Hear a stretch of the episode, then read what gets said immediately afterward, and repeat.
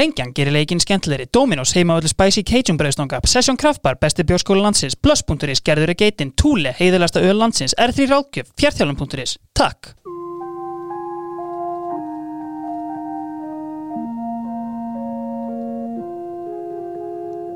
Svona var sumarið er fótboltahlaðavarp sem gafar ofan í hvert fótboltasumarið og fætur öðru, eitt í hverju þætti. Hverjir sigra? Hverjir tapa? Hverjir hlæja? Hverjir spörkuðu kvorki móterjan nér rifu kjaft við dómaran? Þú ert að hlusta á Svona var sumarið, 97.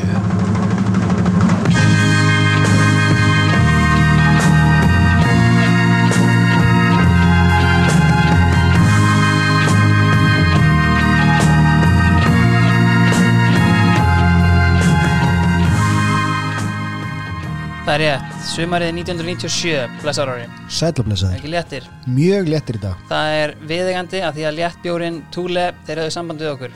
Uh, Thule eru auðvitað sá elsti og virtasti og þeir eru heiðarlegasti bjórlandsins, uh, 2,25%, það sjálfsögðu, léttir, ljúfir og kátir. Thule, takk. Þeir auðvitað halda heiðarleikanum uppi eins og vanalega og leiðrættingahotnið, það var svört skýsla uh, sem við fengum. Sko byrjum á því, ég sagði hérna að formað að Keflavíkur hefði verið Jóhannes Ellertsson það er formað að IBVF þessi Jóhannes er Ólafsson það var formað að IBVF uh, Mér fannst þú nú sláheldi góðan varnagla þegar þú varst að... það er bara, veist, þeim var alveg sama Já, væðaleysi. Já, já, bara, Já. veist, skam, skam. Já, sko uh, þú, Jón Ágúst Eyjálsson uh, hetjan úr Grindavík Já. uh, hann vildi koma því á framfæri að Maggi Mjói hann mætti auðvitað á fjallir þjóðleikúsins Ég skeit það. hann var í hérna síningunni Glanni Glæpur í Latabæ. Já, ég meina, mér til varnar. Mm hafa búið að gera hana einhverjum, hérna, einhverjum hip-hop artista þarna? Algjörlega, já. Var, húutýpu og hann var ekkert mjór lengur sko, nei, og hann var ekki þrek. stór. Já, þetta var, já, hann, var svona kannski ekki alveg í toppstandi en veist, hann var hann var ekki alveg hvað Sigur Kjartason Holning sko, og Maggi Mjói var ekkert endilega rétt nefni lengur sko. nei, klálega ekki, hann kannski unni í sínum málum ég veit það ekki, en Já, já, hættur að borða kókókúlur og kornringi í hvert mál. Sennilega, sko, heyrðu uh, Kristinn Björnsson. Uh, Ha, erum við að fá enn eina leiðrættingur á það? hérna sko, ég fekk hérna sko, ég sagði að hérna Kristinn Björnsson þjálfari Já, væri frá Dalvík já. Það er ekki rétt, Ha, hann er ekki frá Dalvík sko, uh, og ég er búin að segja þetta með þess á mörgum vikstöðum og er bara hlæjandi út um allt að hérna, Kristinn Björnsson, Dalvíkingurinn þjálfarinn eitthvað og það er bara kolvitust, allir við að Björnsson já, Dalvíkingurinn, Dalvíkingurinn, já, já, hann hafði sambandið með og sagði nú stoppar Jóhann. Og hann er bara allt annað en Dalvíkingur en hann vissulega þjálfaði Dalvíkinga í tvö ári kringu 1990 og gisti drjúan hluta þess tíma á gömlum betta heima hjá Bitni uh, föður alla og, og móður hans. Ok og hérna sko, þú veist já, já, þú veist sko það finna í þessu ennáttúrulega að allir viðar ánáttúrulega bróður sem heitir Kristinn Kristinn Björnsson og hann er, væntalega frá Dalvík sko. Þannig að hérna, Biti, biti, biti, nú þurfum við að já, recap. Recap. Já, Kitty Kollnís, já, Kitty Bubba. Stór svið mm Hann er frá já, Kristinn Björnsson þjálfari, já, hann er bara ég held að hann sé valsari sko. hlýða kall bara. Mögulega, já, já, já, hann er úr hlýðunum já, Ok, og við erum konum með þriðja aðilan Kristinn Björnsson, bróður hans að frá Dalvík. Dalvík Já, gott að hann er ekki bara leikmaður KF í dag eða, þú veist, bara eitthvað góð stemming í honum sko en, en það, Ok. já, allavega þú veist, þetta allavega hérna, við bara vonumst til þess að hérna, fá meira að frétta af þessu. Herðu, sko, kannski ekki endilega leðrætting en, en Þóra Guðmundsdóttir, maður þetta henni Nátti elstu kitsinni Mm. Já, já, já, já, Þóra, já, já, já Sko, ég veit að draga það algjörlega upp úr mínu manni upp á skaga, Artur Inga Kristinsinni en þetta er að sjálfsögðu veist, það er galið Hans að faðir er hans móður Þetta er 7000 manna bæjarfélag en manni líður eins og að búi svona 50 manns þarna því að allir eru frændur einhvers og bara hérna veist, þetta er algjörlega gali en hún er alltaf frænkans og sko ekki nóg með það að hún væri með þessa KitchenAid gel þá elstu í Evrópu þá bakaði hún bestu kleinur bæjarins. Þannig að hún var ekki bara svo elsta hún var líka svo virtast það hérna þetta var elsta og virtasta KitchenAid KitchenAid við landsins sko fengum, ég fekk ábendingu frá hérna tapvarpskonginu Pétri Marino Jónssoni hann var að hérna hlusta þáttinn og Jói, ég það bara þakkaði fyrir frábæran þátt. Og hérna hafði innleggi umræðin um litla og stóra. Ok, uh, hann nefndi Gumma P og Alfred Finnboa hvað gefur fyrir það? fyrir mitt leiti Alfred Finnboa er ekki náðu lítill. Hann er ekki nóg fljótur heldur sko. Nei, þetta er hérna Ég saði líka við Pétur, jú, ég mun velta þessu upp en, en ég mun setja decline á þetta. Já, bara svona hérna kannski halda sig við sitt sport bara. Nei, Nei, Pétur er kongurinn en, Hann en, en þú veist, hérna, já, veist ég fór einmitt síðan og skoðaði sko með hérna, með bara hérna Gumma P þú veist bara hvort að hann eigi einhver svona hérna möguleg strike partnership af því hann er legit big guy, er big sko, guy, já, já. og bara svona einn af kannski ekkit allt og mörgum alvöru big guys sem við eigum. Uh, fyrir þá sem kannski ekki þekkja Gummi P, hann var í KR, Íslandsmeistarinn með breyðablik uh, rauða, rauða stálið fyrir sem endaði á snemma Já, einhvern veginn og hérna, en þú veist bara svona gamall og virtur einhvern veginn í þessu sko.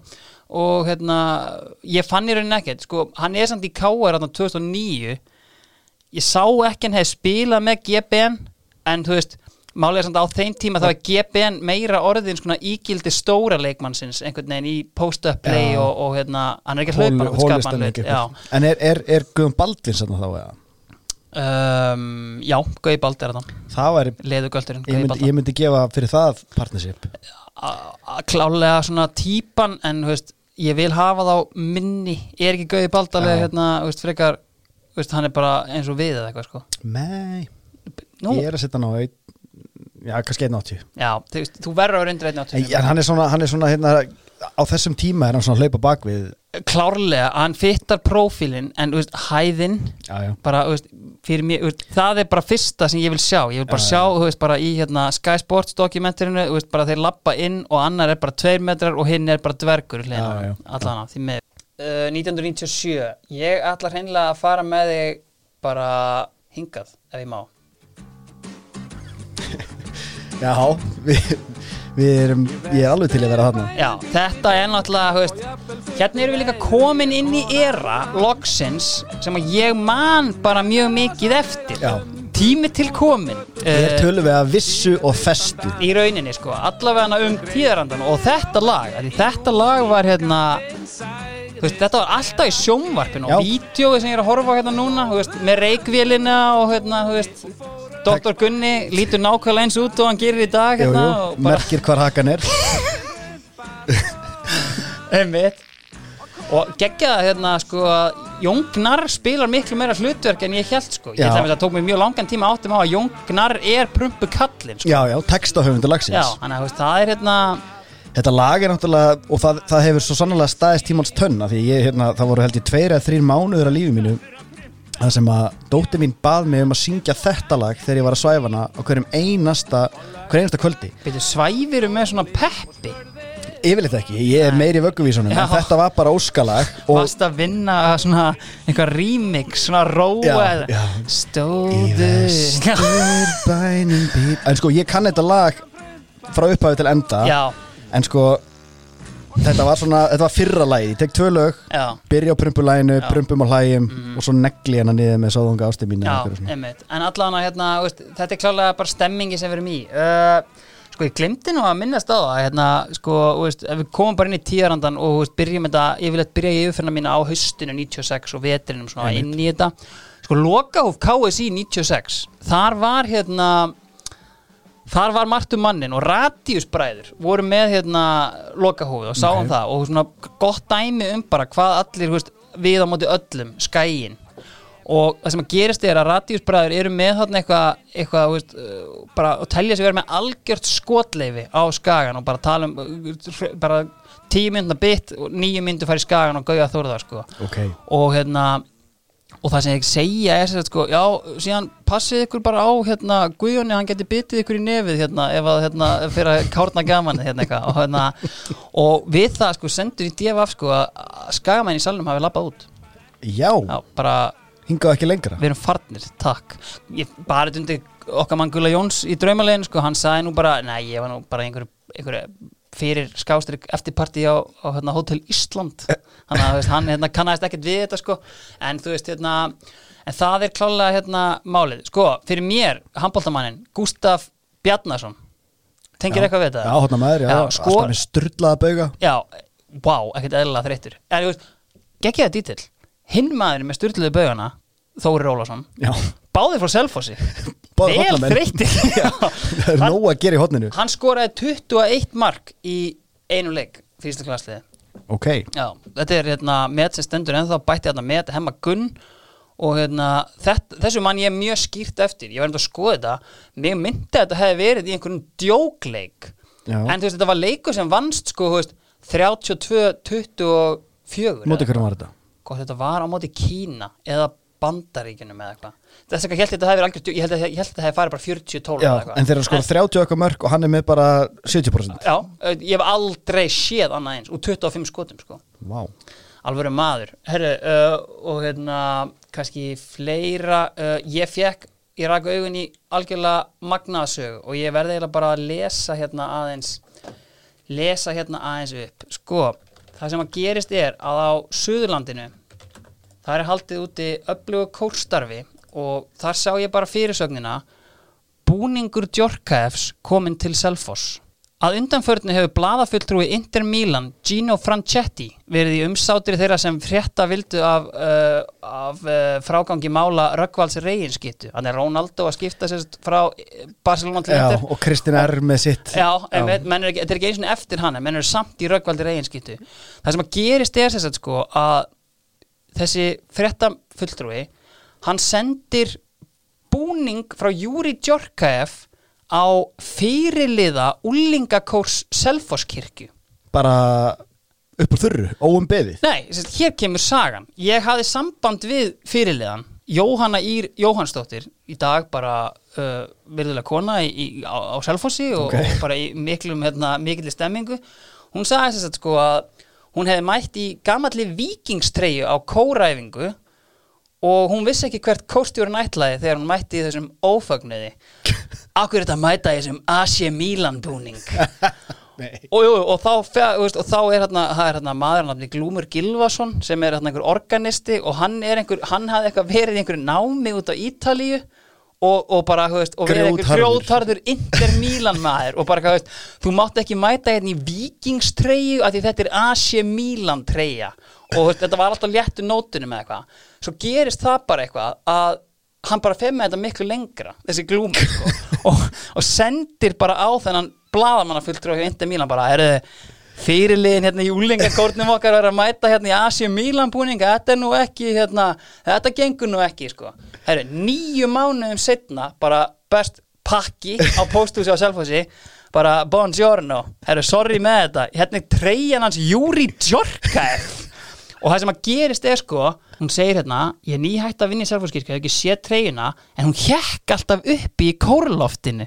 Þetta var eitthvað svona skrýni og fyrir hvert einasta sísón hjá kórnum, það var nýr fyrirliði og það var alltaf mynd af honum í tjörka eftir treyjunni. Þetta er geðveikt. Þetta er algjörlega styrlað og bara, þú veist, hérna Jóhanna Ír, þú veist, bara hats off. Og Glúmur Gilvason, Já, bara- organisti í Selfoss úlingakórnum, sko.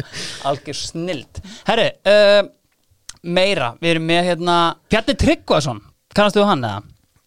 Eh, Nei ég- Þetta er okkar fyrsti gamefæri Já, já, já. Maðurinn fór út í geimin á Discovery. Uh, hann var eitthvað hérna í Kanada og, hérna, og er bara nelt út í geimin fyrsti Íslendingurinn til að fara út í geim. Fær fólk til að dreyma. Já, basically sko. Ég meina, veist, ég veit um marga hérna, Egil Áspindarsson í Sútu Breykjavík. Bara, veist, skýrði bílinn sinn, Bjarni Tryggvason og bara Já. ekkert eðlilega léttu með þetta.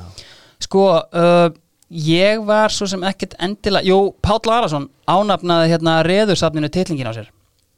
Já. Og fyrir áhuga Páll Arason náttúrulega hérna, ótrúlegt eintak af manni uh, og þarna bara er fengin læknir í það verk að hann ætlar að sjá um aðgerina og, og Páll ekkert eðla léttur bara titlingurinn minn, hann er ykkar. Já, ég þarf hann ekki því Dur. og ef þið viljið kíkja á hann þá færa á reyðursafnið á þess að ég ætla að plugga það eitthvað meira. Sko, reðisafnið, smá móli. Já, uh, Þegar ég er ungur drengur í breiðalti þá á ég vin mm. uh, sem heitir Sigur Hjartason já, Badnabann Sigur Hjartasonar uh, upphafsmanni reðisafnsins já, og eitt skipti voru að leika okkur heima hjá honum. Já. Út á svölum í blokkaríbúð, ekki langt frá það sem þú bjóst þetta er altahólar, Altahórnir, já. Þetta er stóra altahólablokkin mm uh, yfirbyðasvalir út á svölum er kvalatippi það hangir bara þarna út á svölum og þetta er ógeðslega stórt Já, en þetta er bara hálft kvalatippi af því að hinn helmingurinn var eitthvað annars stæður í geimsli þannig voru þau bara að geima kvalatippi já. Og ég fór út á svalir. Mm. og í senasta þætti lísti ég því hvernig ég neig niður á skeiðavelli yfir lykt. Það gerðist þarna líka. Lyktin af kvalatippinu á þessum yfirbyggðu lokuðu svölum var svo ótrúlega yfirþyrmandi. Já að ég mun aldrei gleyma því. Hei, síðasti mólin frá mig kannski er að hérna, mér varst áhugavert sko hérna, Judith Estergal ég veit ekki hvort að menn mun eftir henni en hún var hérna útlendingur sem kom að spilaði með haugum í handbolta. Mm. mér varst bara magnað sko það var úslita einvið yfir stjörnuna um Íslandsmeistartitilin, Hva, Hvað er hún að spila? haugum Já, já. og í leik, fyrir leik þrjú, þá lendir hún bara í Crazy Fans. Það eru bara hérna símtöl um nótina dýraöð, bara halda fyrir henni vöku. Bara stjörnustunismenn Já, bara ætla að taka hérna, leik. yeah, you did, you did, you did, you did. Bara í síman bara og, hérna, og hún þurfti sko að flýja á hótel fyrir leik fjögur. Skoraði þrjú mörg í leik þrjú leik fjögur, eftir góðan svefna á Hotel Cabin, 14 mörg klára titilin, þetta var hérna veist, fá þetta aftur í silfurskeiðina sko. Shit. Herru, kíktir, ég var náttúrulega á eigilstöðum, gast, gast þú kíkt á Já, það meira? þú varst náttúrulega að skoða Home of Clean Sheets. Já, einmitt, uh, Já, ég fór aðeins á stúfuna. Ok. Og hérna, mm, það voru nokkri hlutir hérna sem að ég svona hjó eftir. Mhm, mjög ábyrrandi mhm. Fjölnir, Þorgersson og Melby. Ah, yes. Og ég hef aldrei einhvern veginn gefið þessu einhvern sérstakann gaum þannig þessu, þessu pari, þetta er bara Ég veit ekki hvað fólk það eins en ég er að hallundir flatt hérna meðan ég hlusta á þetta. Þetta er svona Opna mér eitt túli. Þetta er svolítið eins og Sofía Hansen dæmi fyrir mér Já, þar sem að maður ungur þegar þetta svona seittlar inn í vitund manns þú veist þetta skil dót. þig, já. þannig að þetta er einhvern veginn bara kategoræsa sem bara svona já þetta var og ekkert með það. Ok. en auðvitað er þetta galið og, og stærðin á Girls á þessum tíma er svo gigantísk þetta er, þetta er í præm, þetta er bara, þú veist, það gæti ekki verið frægari og ég var eitthvað að reyna að heimfara þetta yfir á daginn í dag og það var ekkert sem svona small þú veist, þetta er einhvern veginn það, það er engin stúlkna sveit þú veist, það, það, það segja Beyoncé og eitthvað svona, það er ekki alveg það sko. Nei, nei. þannig að- að hérna, ég fór á ákvaða að vera hans að garfa í þessu ok en þegar ég hugsa um fjölni þá svona þá þekki ég mannin ekki neitt og það var bara eitt hlutur sem kom upp í hugan þegar ég hugsa um hann og það er uh, þegar hann stingur sér ofin í vök Já, já. og bjargar fullt af Það er hestum. náttúrulega hérna Það er setjum tíma fjölnir, já. Það er sem tíma fjölni, en þetta eru þessi tveir hlutur Mel B og þess, þess, þetta björgarndólt Tengið þú hann ekkert úr snókurinn eða? Nei, það, er sem, það sem kom í ljósi að setna mér þegar ég fór að garfa sko, en, en, það sem að að því að ég var einhvern veginn ekki með hann sem einhver ákveðna típu og ég þekkti hann ekkert í dag Mhm.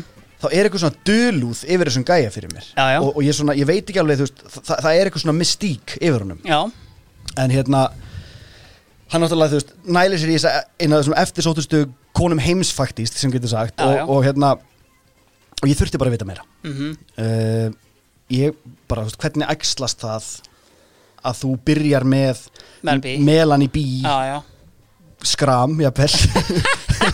En, en þannig ég googlaði og googlaði og ég fann eina grein Ok. sem að er í einhverju skjalasafni á netinu. Þetta er ekki, þú veist, á miðlinum sem þetta upprunlega byrtist á. Way back websa Já, já, þetta er eitthvað þannig dót, sko.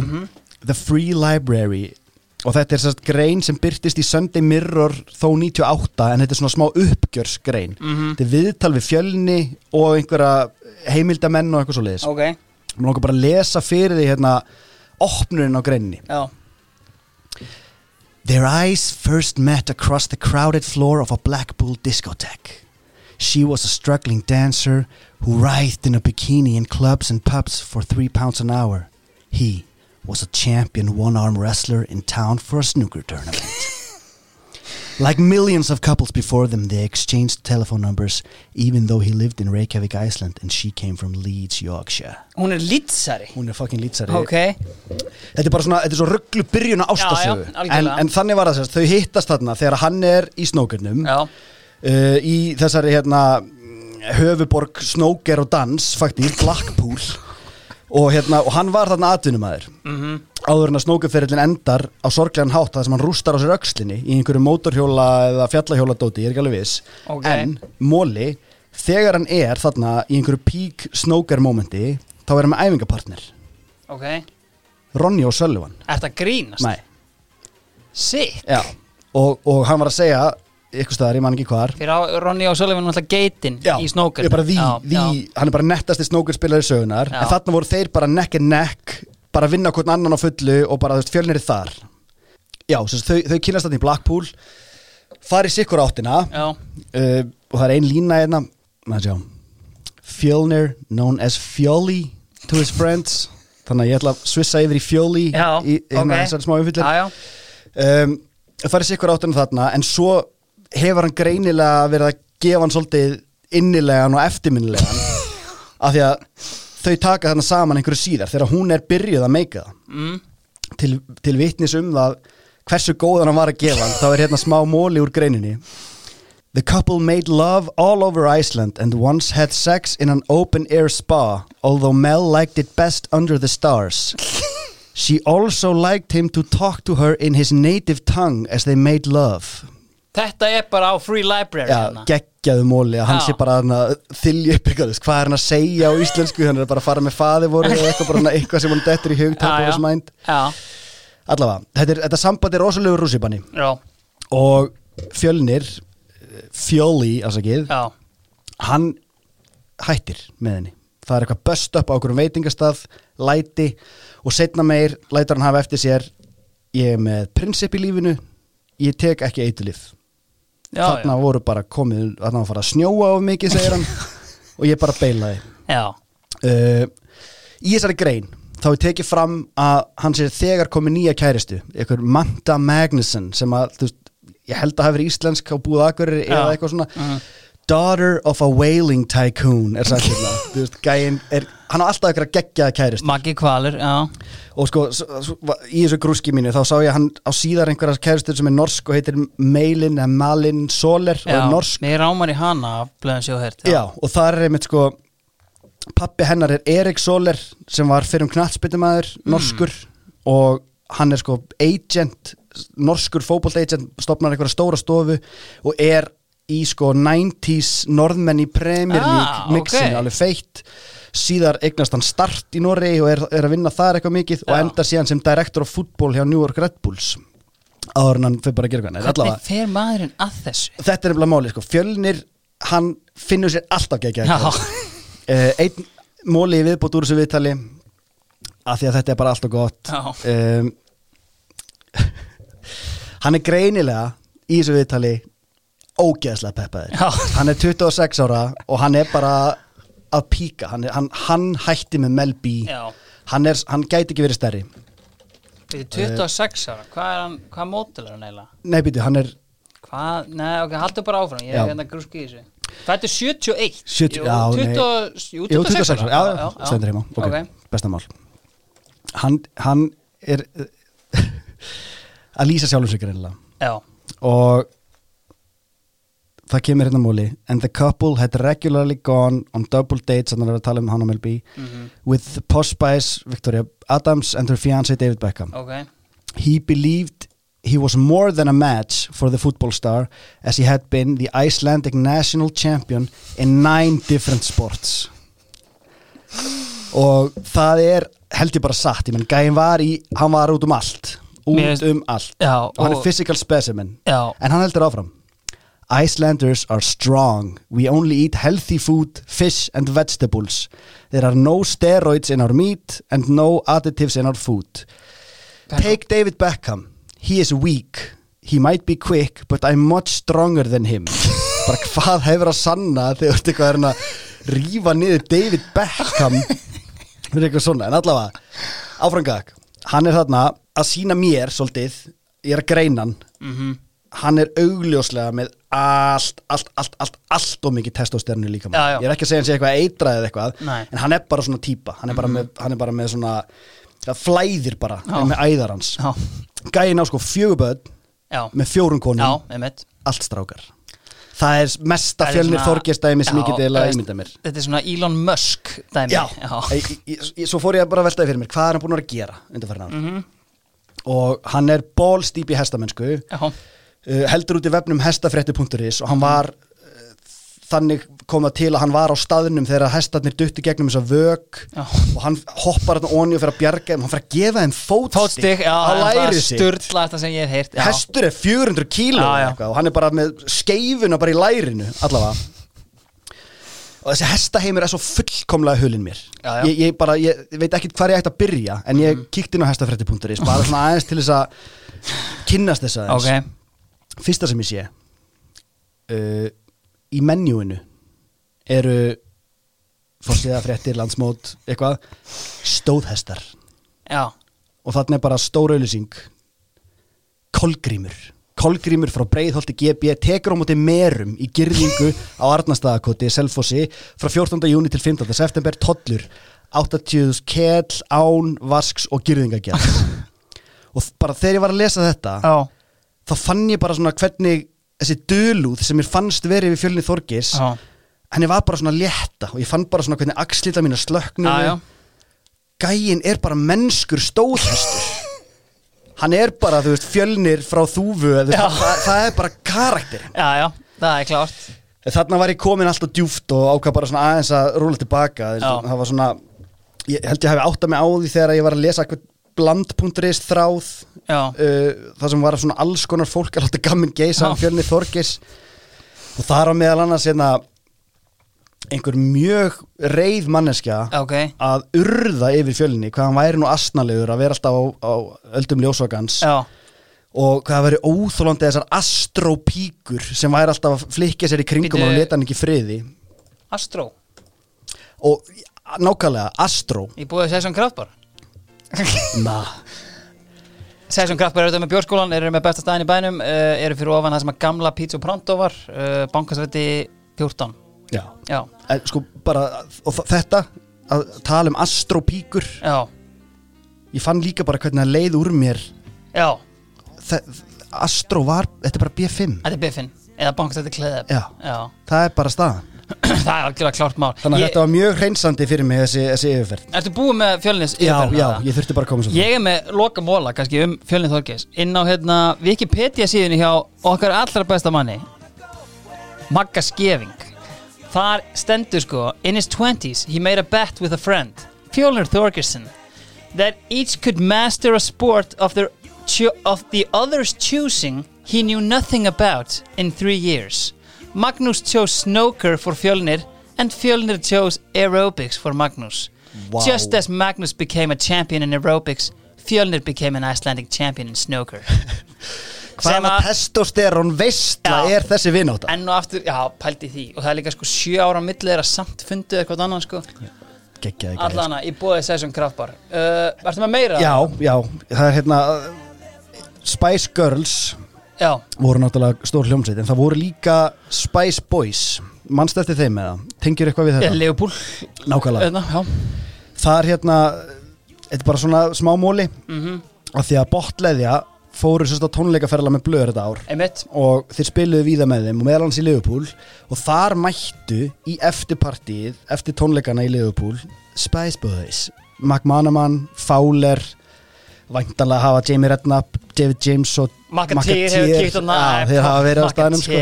En mér fannst þetta bara svo áhverð sko, Spice Boys er nefnilega svo skemmtilegt konsept Já, þessar já. hérna kremjakkar og bara Já. launin er að hækka í Premier League FA Cup Final 96, já. Já, bara skitan Já, en, hérna, en smá með þetta að því að sko þú gjörsamlega jarðaði mig í senast þætti með því að vera alltaf að henda með einhverjum spurningum sem að ég var einfaldlega bara ekki tilbúin í nei, nei, ok.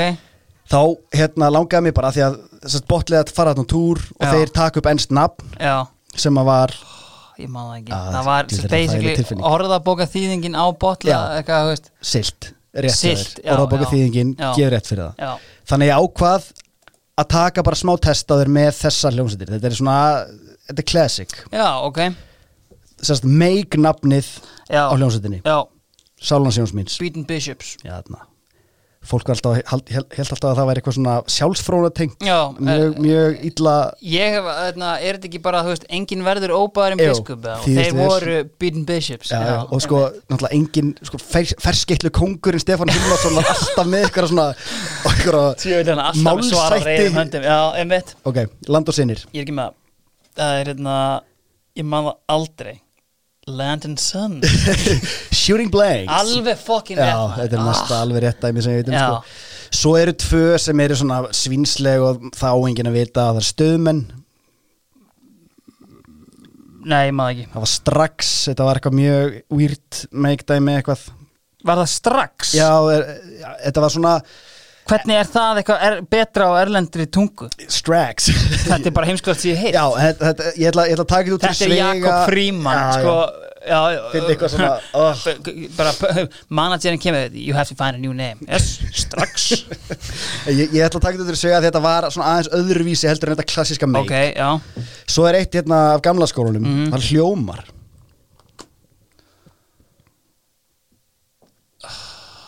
Þetta var eitthvað algjört klúður hérna, nei, ég er ekki með Thor's Hammer. Ha, Já, þetta var eitthvað svona mega klúður sem að var síðan aldrei neitt og þeir ætlaði að meika það í Bretlandi og fóru til hérna Liverpool og spiluð og bítlabarnum og allt þetta sko. Þetta er sko minnsta Thor's Hammer tónlist þegar ég nokkuð tíma að Þetta er vita það já, já, það er eitthvað sem ég myndi fá fyrir skálmöld eða það var að fara út núna sko. Algjörlega, en, en hérna, það nánu það. Það var Já. mjög góð tilfinning fyrir mig að fá smá redemption að, hérna, ég sé ekki svo eini sem veit ekki neitt hérna. Nei, nei, uh, Aðra hlutir. Já, sko Suðurlandið er að vakna. Já, einmitt. Og uh, okkar menn í, í árið er þeir veita náttúrulega góða einsýn inn í, í Ásgeir og Gulli. Ásgeir og Gulli, Já. Geir og Gulli. Hérna, og þarna er að koma fram land og sinir Mm. shooting blanks, strákanir já, um, þarna er á móti sól. Já, og svo eru skím og búinir að vera eitthvað Led Zeppelin coverband en þarna eru komin að fullt í sveitabólin, sveitabólin og eiga Signing of the Century. Já, rétt. Og það er náttúrulega Einar Ágúst. Mhm. fenginn til liðs við bandið fyrir þjóðatíð mm á að vera eitthvað svona eitthvað svona hype man já, hann er svona fenginn til sko að þeir missi eitthvað slagverksgæja og spurja hann hvort hann kunni ekki á eitthvað svona bongo hann á basically að vera Haraldur Ari, Retro Steps Já. einhvers slag svona maður upp á sviðinu eða hann hérna Egil Eyjóls uh, hérna fyrir uh, FM Belfast Einmitt. já, og hann, hann er náttúrulega svo ómótstæðilegu gæja hann fæ náttúrulega bara stærra stærra hlutverk alltaf Já. ég á svo ótrúlega sterka minningu af bylgjulestinni sennilega 97 eða 98 Mhm. það sem að gæin er í sko svona mongúsból þú veist svona hjóla þröngum mongúsból ermalöðsum með það? Er svona hálfermalus það er svona smá. Já, og hann er trilltur á bongotrómunum og ég bara, ég hafði aldrei séð hann eins. Ég er bara þarna ábygglega 7-8 ára eða eitthvað, ég er bara að horfa á hann. Og hann hefur náttúrulega átt hjarta mitt síðan. Hvar varst þú að taka byrgjulestina sko, pappi, eða? pappi var að vinna á bylginu á þessum tíma. Já. Þannig að ég gæti ekki sagt þeirra, kannski Nei. allstaðar. Ég man nefnilega sko að því að pappi minn hatar allt svona íslenska menningu og svona hvað, veist, alltaf svona, veist, oh, veist, allt svo já. eitthvað. Þannig að, hvað, þú veist, það eru bylgjulöstinu á Akranis. Joe, glimti Já, við förum í hinna áttina Ég man, ég, ég man sko bara eftir einu mómenti þess að ég var held ég nýra á höfn það sem að bylgjulöstin kom og var búin að enda einhverja rosalega ferð þarna, hemmi Gunn búin að vera að fara um all landið Já. Og veist, en það er svona mín eina minning af bylgjulöstinu sko hver, og hver var að spila bara eitthvað Þorgir í Ástvalds alvörinni mér langar bara að segja skítamóral sko. Og einmitt, þú veist, að ég sagði ermarlaust að ég er bara með sterka minningu af Einar Ágúst bara aldrei með ermar þegar ég er ungur sko. sko, eitt áhrifamesta ég ætla bara að segja þetta Mhm. eitt áhrifamesta menninga fyrirbæri 21. aldarinnar sem sagt, þetta er ekki 21. aldar sem er gengin í garðarna en þetta hefur þvílík áhrif inn í 21. aldina ok, fóstbræður hefur göngu sína. Ah, og ég er einhvern veginn að hugsa þetta sem svolítið changing of the guards svo við notum það nú. Já. Að því að undan þessu, áður en að fóstbræður færi loftið 97 þá ertu með spöggstofuna sem er þú veist 89 heitir það 89 á stöðinni, Já, já. 90 á stöðinni er 90 Já, já. og er bara, veist, ég veit ekki hvað, enn einn stöðin bara, þetta er alltaf sama dæmi aftur og aftur. Boring. Já, það er imbakassin þarna eitthvað, veist, allt er þetta einhvers konar framlenging á Halló Latta Já, já. og Ómar Ragnarsinni og svona Mhm. þessum húmor. Þarna ertu með einhverja með eitthvað efni fyrir kynnslóð sem er svo þyrst. Já, hérna erum við sko. Og hún drekkur þetta svo ógeðslega í sig Já, að þetta hefur bara fest rosalegt lag. Já þetta væri, þú veist Já, ég, ég sko, ég, hérna, það, það er, það er kynnslóð sem eru eldri en við sem eru svona, þú veist, ungir úlingar kannski á þessum aldri. Já, ég hef til dæmis heyrt Ara Eldjátt segja að fóstbræður er í gangi á föstudöfum Já. og það er bara mentaskólapartí Mm. og það er bara fóstbræður Ah, er að byrja. Veist, er bara, þetta er þannig moment fyrir ákveðna kynnslóð og ég er ekki að fara að segja eitthvað hérna ef við hefðum ekki fengið fóstbræður þá væri við ekki með Hugleik Dagsson og hérna með Ísland og allt þetta. En þetta er samt sem áður eitthvað svona eitthvað skil. Þar Mhm. sem við skiljum Randver og Örn Átnason eftir pínu já. bara haldið áfram að skemmta fóreldrum okkar. Já. við ætlum að horfa á Ég ætla að gera eitthvað annað. Já, það er geggjaða punktur. Sko, mann er langar einhvern veginn að hafa eitthvað að segja um myndin að blossa ég Já. er bara ungur. Nei, ég bara, tengi ekkert og við dettur þetta. ekki í huga að horfa á hann í dag. Nei, nei, ég tengi ekki við þetta. Páll pe- Baníni, hann var hérna eða Banín, það er eiginlega þú Já, hvernig að segja þetta? Þú ég hérna, þú ég, hérna Já, það er eini, þú eitthvað Ég veit að hann lék í henni. Fyrir mér er þetta bara plaggut á í, og videolegunni sko, Já, einmitt. þessi mynd og, mjög iconic plaggat og það gekk upp mjög lengi. Já, og þessi, hérna, þessi tölustafa útgáfa eitthvað er Nei, ég eitthvað- tengi ekkert við þetta. Þetta er svo típist að eitthvað sem að. Twitter myndi einhvern veginn fara að taka upp á sína arma 90s Oh my god, muni eftir blossa? Og þetta, já, já.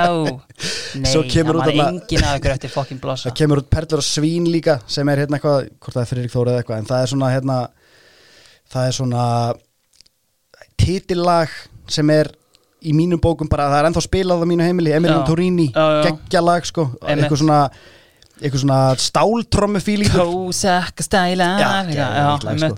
og sko blossa myndin er kannski meira legendary fyrir soundtrackið. Þetta er svolítið svona tónlistatengt af því að sko Mm, já. þriðja myndin sem er eitthvað verðt að tala um frá þessu ári er stick free já, já. sem er kannski meira fyrir okkar hóp þannig erum við að fylla laugararspíó, sko. Já, já, og sko ég man ekkert ógeðslega vel eftir þessari mynd en er þetta ekki svolítið parent trap feelingur ykkur? jú, hún er þarna sko, Er tekur upp þetta lag, lag. tek, veist, þarna önnur gellan sem er greinilega eitthvað svona vandræðabatna því að þú veist, pappinar er Örn Átnason og sér ekki að sinna henni neitt Já. og fer í stúdíu til hans og taka upp þetta lag, sko en jú, hún ásest einhvern pappa sem hún er aldrei hitt og það er yngvar E og hann býr bara eitthvað upp í grafavogi og er þar með eitthvað batn sem að þau stela síðan af því að hérna, hann hefur ekki hitt hana eitthvað einhver, einhver ný fjölskylda sem hann er komið með. Já, þetta er svona, þetta er án þess alltaf eitthvað að fara að tala niður þetta og þetta sé eitthvað, ekki algengt en veist, að geðveikt steikt einhvern veginn fyrir mig eitthvað úr vísitölu fjölskyldu sem aldrei hefur neitt bjátað á eitthvað að pæla í sko, já, hann hefur aldrei séð hérna tíu ára dóttur sína sem býr bara í næsta hverfi þetta er svona, veist, ekki beint relatable sko á Nei, Íslandi. þetta, þetta er einhver íslensk harmsaga, við elskum harmsaga Já, já, og veist, þetta var hérna, ég alveg, ég fílaði þessa myndaleg sko, og hérna, hún var rappari setna mér, hérna, rauðhæra gælan í myndinni, hún var eitthvað, hérna, bara eitthvað, veist, á gamalsaldri var hún ennþá að rappa eitthvað og hérna, góð stemmingi þeim sko. Heyrðu, við endum þessa yfirferð að sjálfsögðu á uh, Eurovision. Já, já, já, um, það er nefnilega þannig já, upp á rúf að það er þurrkur. Enn eitt þurrkurinn, ennið þurrkur, Ok. engin peningur til fyrir undakefni nei, og rúf fær einhvern veginn veður af því að Páll Óskar sé einhver Eurofan. Já. og byggja hann bara um að redda sér. Já. bara, heyrðu, eitthvað séns á græðir okkur hérna? Hann segir já með einu skilirði fullkomið listrænt frelsi. Ég heyri Pál Óskar segja þetta, Já, ég, sagði ég, ég er eiginlega hann og ég sagði ég vil fullkomið listrænt frelsi. Já, ég held þetta orðið, þitt, meira segja. Þú segir það en, og hann vill ekki orð frá útastjóra um stakan hlut. Nei, samþygt já, Uh, það sem er verðt að nefna þarna er Eurovision í vesenni ok.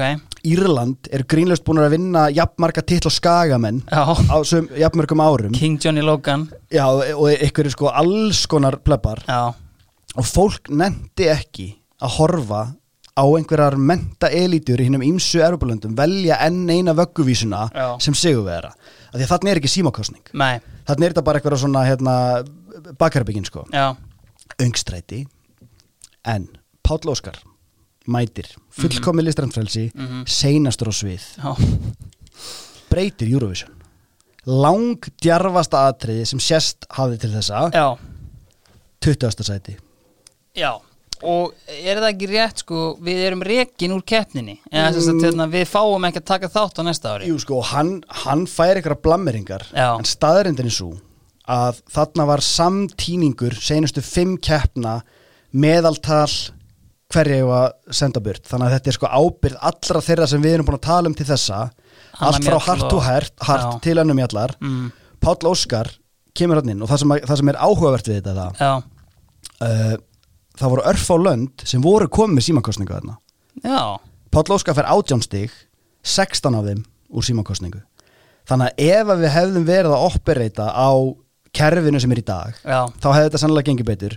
En fyrir þá sem hafa hort á Eurovision undanfærin ár vita að, að sko efnis litlar flíkur og, og kynþokki er eitthvað sem að er algjörlega búið að taka yfir þessa keppni sinni samtíð sko Já, og bara fyrir það, þegar hann, að því að maður hefur heyrt hann segja þetta, þegar hann Já. segist það að breytt Eurovision, Mhm. hann er ekkert að grínast. Nei, það er alveg klárt mál Herðu, getum við ekki bara fært okkur yfir í, í boltan eða? Það getur við. Jú, gerum það uh, Við erum hérna uh, Boltinn Prísið svona félagskipti uh, Það sem ég rak augun í er að þarna er Sko það voru alveg æfingaferðir Það er tíðkuðist alveg En þarna er sagt sko Það eru allir á ömmur þeirra farin að fara í æfingaferðir Þetta er svona orðið þannig veist, okay. Ok. Í dag, þú veist, þá er bara skallagrímur í fjóruðdild að fara í æfingaferð og veist, það er bara, þú veist, Jón Kári var að fara með Kávaf bara í þriðudildinni einhverja góða ferð sko. en þarna er þetta þannig að það er farið að bara, og með þess að bara ferðaskrifstofunar er farið að auglýsa bara, það eru algarfi þetta er málið og það eru allir að fara til algarfi Ok. rak augun í eitthvað viðtal við einhvern þjálfara þarna sem sagði sko hvað þið gerið, algarfi verið í hóteli á fullu fæði. Við vorum núna á hálfu fæði leikmenn alltaf að stelast í pítsur og hambúrgar það er bara gríðalegt vandamál bara að halda leikmönnum í einhverjum aga með mataræði í Erlendi sko. Sko Continental á mótnana samt, þú veist að ég... Við skoðum sko hérna sko það er blað sem er gefið út og var gefið út lengu fyrir þennan tíma sem að heitir Íþróttablaðið. Uh, ég hef svona aðeins garfað í þessu en þetta er rosalega einhvað svona veist, allar íþróttir fá séns eitthvað bla bla og hérna veist, það er eitthvað gott í þessu en Tokki Þráins var lengi vel með þetta þetta svona KFM stemming svona einhvern veginn og hérna það sem gerist á þessu ári 97 er að það kemur ný reitstjórn Tokki Þráins step aside. Það eru komnið hérna alvöru fjölmiðlamenn sem ætla að gera hluti hérna og þeir fara bara á stúfana með allt og það er öllu flykt fram. Og þar á meðal er sérsatt í fjórða tölublæðinu þeirra á miðjum móti ger skoðanakönnun meðal leikmanna. Og þetta er aðtiklisverð könnun sko af því að hérna til dæmis bara hvaða leikmaður í dildinni er mest ofmetin að þínu mati? Áberandi hæstur Arnar Gretarsson Shit, þetta hérna. þessu hendu er bara fram. Síðan hérna hver er mest vannmetin það er þetta okkar maður. Clean sheet kongurinn, hútnin, Eisteinn Oh, Húni Haugsson alvöru vannmetin Hver eru fleiri aðná lista? Kristinn Guðbrandsson, Malarkitti uh, Sigur Örn Jónsson, Steinar Adolfs Ívar Bjarklind og Bjarki Stefánsson. Uh, ofmetnir, það er rosalega mikið talað um káeringa, Heimi Guðjóns að sjátt og Óli Þórðar menn eru ekki alveg að kaupa þess að Íslandsmeistaratitla hans og, og 72 landsleiki alveg harka í þessu uh, hérna. Sko, hérna sé ég geggjaða pælingu, Já, smá shoutout á hérna kollega okkar í Stíf Dagskrá. Í hvaða tegund af skóm leikur þú? já, Ég get ímyndað mér að Andri Geir sé núna bara sperrir eirun. Þarna er sko 41% Lotto, já. 26% Mizuno og 14% Diadora. Það eru ítölsk áhrif. Ég meina, ég tengi, ég tengi ekki við neina aðra skóa þessum tíma faktist. Nei, Lotto voru náttúrulega kong Ólís með umbóð eins og við fréttum hérna í, í síðasta þætti sko, sko meira hérna um, Telur þú þig eiga séns í atvinnumennsku? Já, 36% kannski 36% Það er mikill metnaður. Já, Hérna er einn undir stjórn hvaða þjálfara vildir þú helst vera? Hvaða íslensk þjálfara? Já, Uh, 57 atkvæði, 41% Guðjón Þórðarsson. já. Sem við kannski segum þá bara yfir í sko prísisonið upp á Skaga. Sko Gauji er látið taka pókan sinn. Uh, Hann var búinn að skrifa undir fjögur ára samning þegar hann tók við hérna tók við Skaganum fyrir tímabili 96 en hann er einfallega bara rekin og veist, þannig séð með skömm þú veist, Já. um, þú veist uh, það kemur upp atvik þar sem hann fer með Bjarna sinni sínum til uh, Bjarni er að fara reynslu til Newcastle. Uh, og, og það, veist, það kemur til einhverja hérna, átaka milli þeirra og, veist, og þetta er náttúrulega og þetta var einhver svona dropi sem fyllti mælin þú veist, á- Gauji náttúrulega veist, bara mjög opinskátt hérna, var hérna að díla við áfengisvandamál á þessum stríða og hann fer í meðferð eftir hann er rekin og hérna og tekur til í hérna sínum málum. En, en hann er allan bara, þú veist, honum er ekki stætt í starfi og maður, maður hefur hlustað á hérna mörg viðtöl í gegnum tíðina um bara hvað var í gangi hérna og veist bara, veist, það var ekkert annað hægt veist, bara, um það. hann var bara í einhver standi Nei. maðurinn sko og meiri sér var þetta að byrja veist, á tímabilinu 96 þú veist, eins og hann var spurður hérna úti í samskiptöðurleika við Óla Þórðar og annað skilur, það var gríðarlegur tauga titringur og kerkja þarna og eh, og þe- þetta gat ekki endað einhvern veginn öðru sig fyrir menn og einhvern veginn hann er allan að farin uh, sko, og sk- og skæin í allskins vesinni, Óli Þóruðar hann er hann að debata um hvort hann er að taka við bara hætta hérna sem leikmaður og taka við þjálfun býðst þjálfarstaðan upp í Árbæ. Og hann er vel heitur en, en ákveður bara að ég get ekki fara á skagan hana hann verður áfram, þeir reyna að fá uh, Tóta Dan og Arna Gretars hvoru kemur. Uh, og þeir eru bara þjálfara lausir þanga til hinga mætir maður uh, Ívan Gólag uh, júkoslanesk sko semi bara júkoslanesk ekki legend en þetta er gaur sem á sko bara Premier League feril. Spilaði með sko Portsmouth, Southampton Master City. Þetta er basically eins og ef bara við myndum í dag sjá valsmenn reka heimi Guðjóns og ráða veteran er svona, þetta er svona þannig hérna feelingur. Og hann, að hérna, hann er tekin hann við. Og það sem meira er sko, Gauji er ekki bara hættur bakarinn hættur. Já. Berlusconi segir bara er, þetta er komið gott. Veist, ég er hérna búin að gefa ykkur fimm titla veist, og marga fleiri hérna þar á undan. Takk fyrir mig, ég ætla að stíga til hliðar. Svonur hans tekur við, Örd Gunnarsson. Neða, hann verður þetta varaformaður, ég man ekki alveg hver var formaður hann alltaf er hættur, þetta er algjört end of an era Gólaginn, hann setur tónin, hann fer í æfingaferð til Skotlands með liðið Ok. uh, er vel þekktur í Skotlandi hann hafði unnið sko, hann hafði þjálfað sko Dundee United og gert þá að byggamesturum í Skotlandi Ok. þetta er alveg gæi með eitthvað CV en sko hann mætir hann til Skotlands og þetta er basically bara eins og þetta sé einhver sýningaferð fyrir hann hann er hann bara mætir í viðtal bara, uh, bara fyrsta tæki segi segi fæ þá er ég mættir til Skotlands. Bara please, takið mig bara, veist, hann er strax komin með Sína leikmönnunum hvað hann er mikið legend Já. en að öðlast klefan Já, ok, ok, gjörsamlega. ok, ég og, sko, og þetta er ekki eina æfingaferðin sem þeir fara í. Að þeir fara aftur í æfingaferð. Þá fara þeir sko bara til heimalands hans þeir fara bara til Júkoslavi og eru það bara að æfa í, í garðinum og gólaga bara heima á sér að til eitthvað sko. Og, og þeir förum bara út í þá eftir en þú veist, hálfgerð sorgarsaga sko, þeir fá inn, þeir fá Pálma Haralds aftur uh, eftir sorgarferð hans upp í Kópavó hérna með Theodor Herfarsinni Alveg rétt.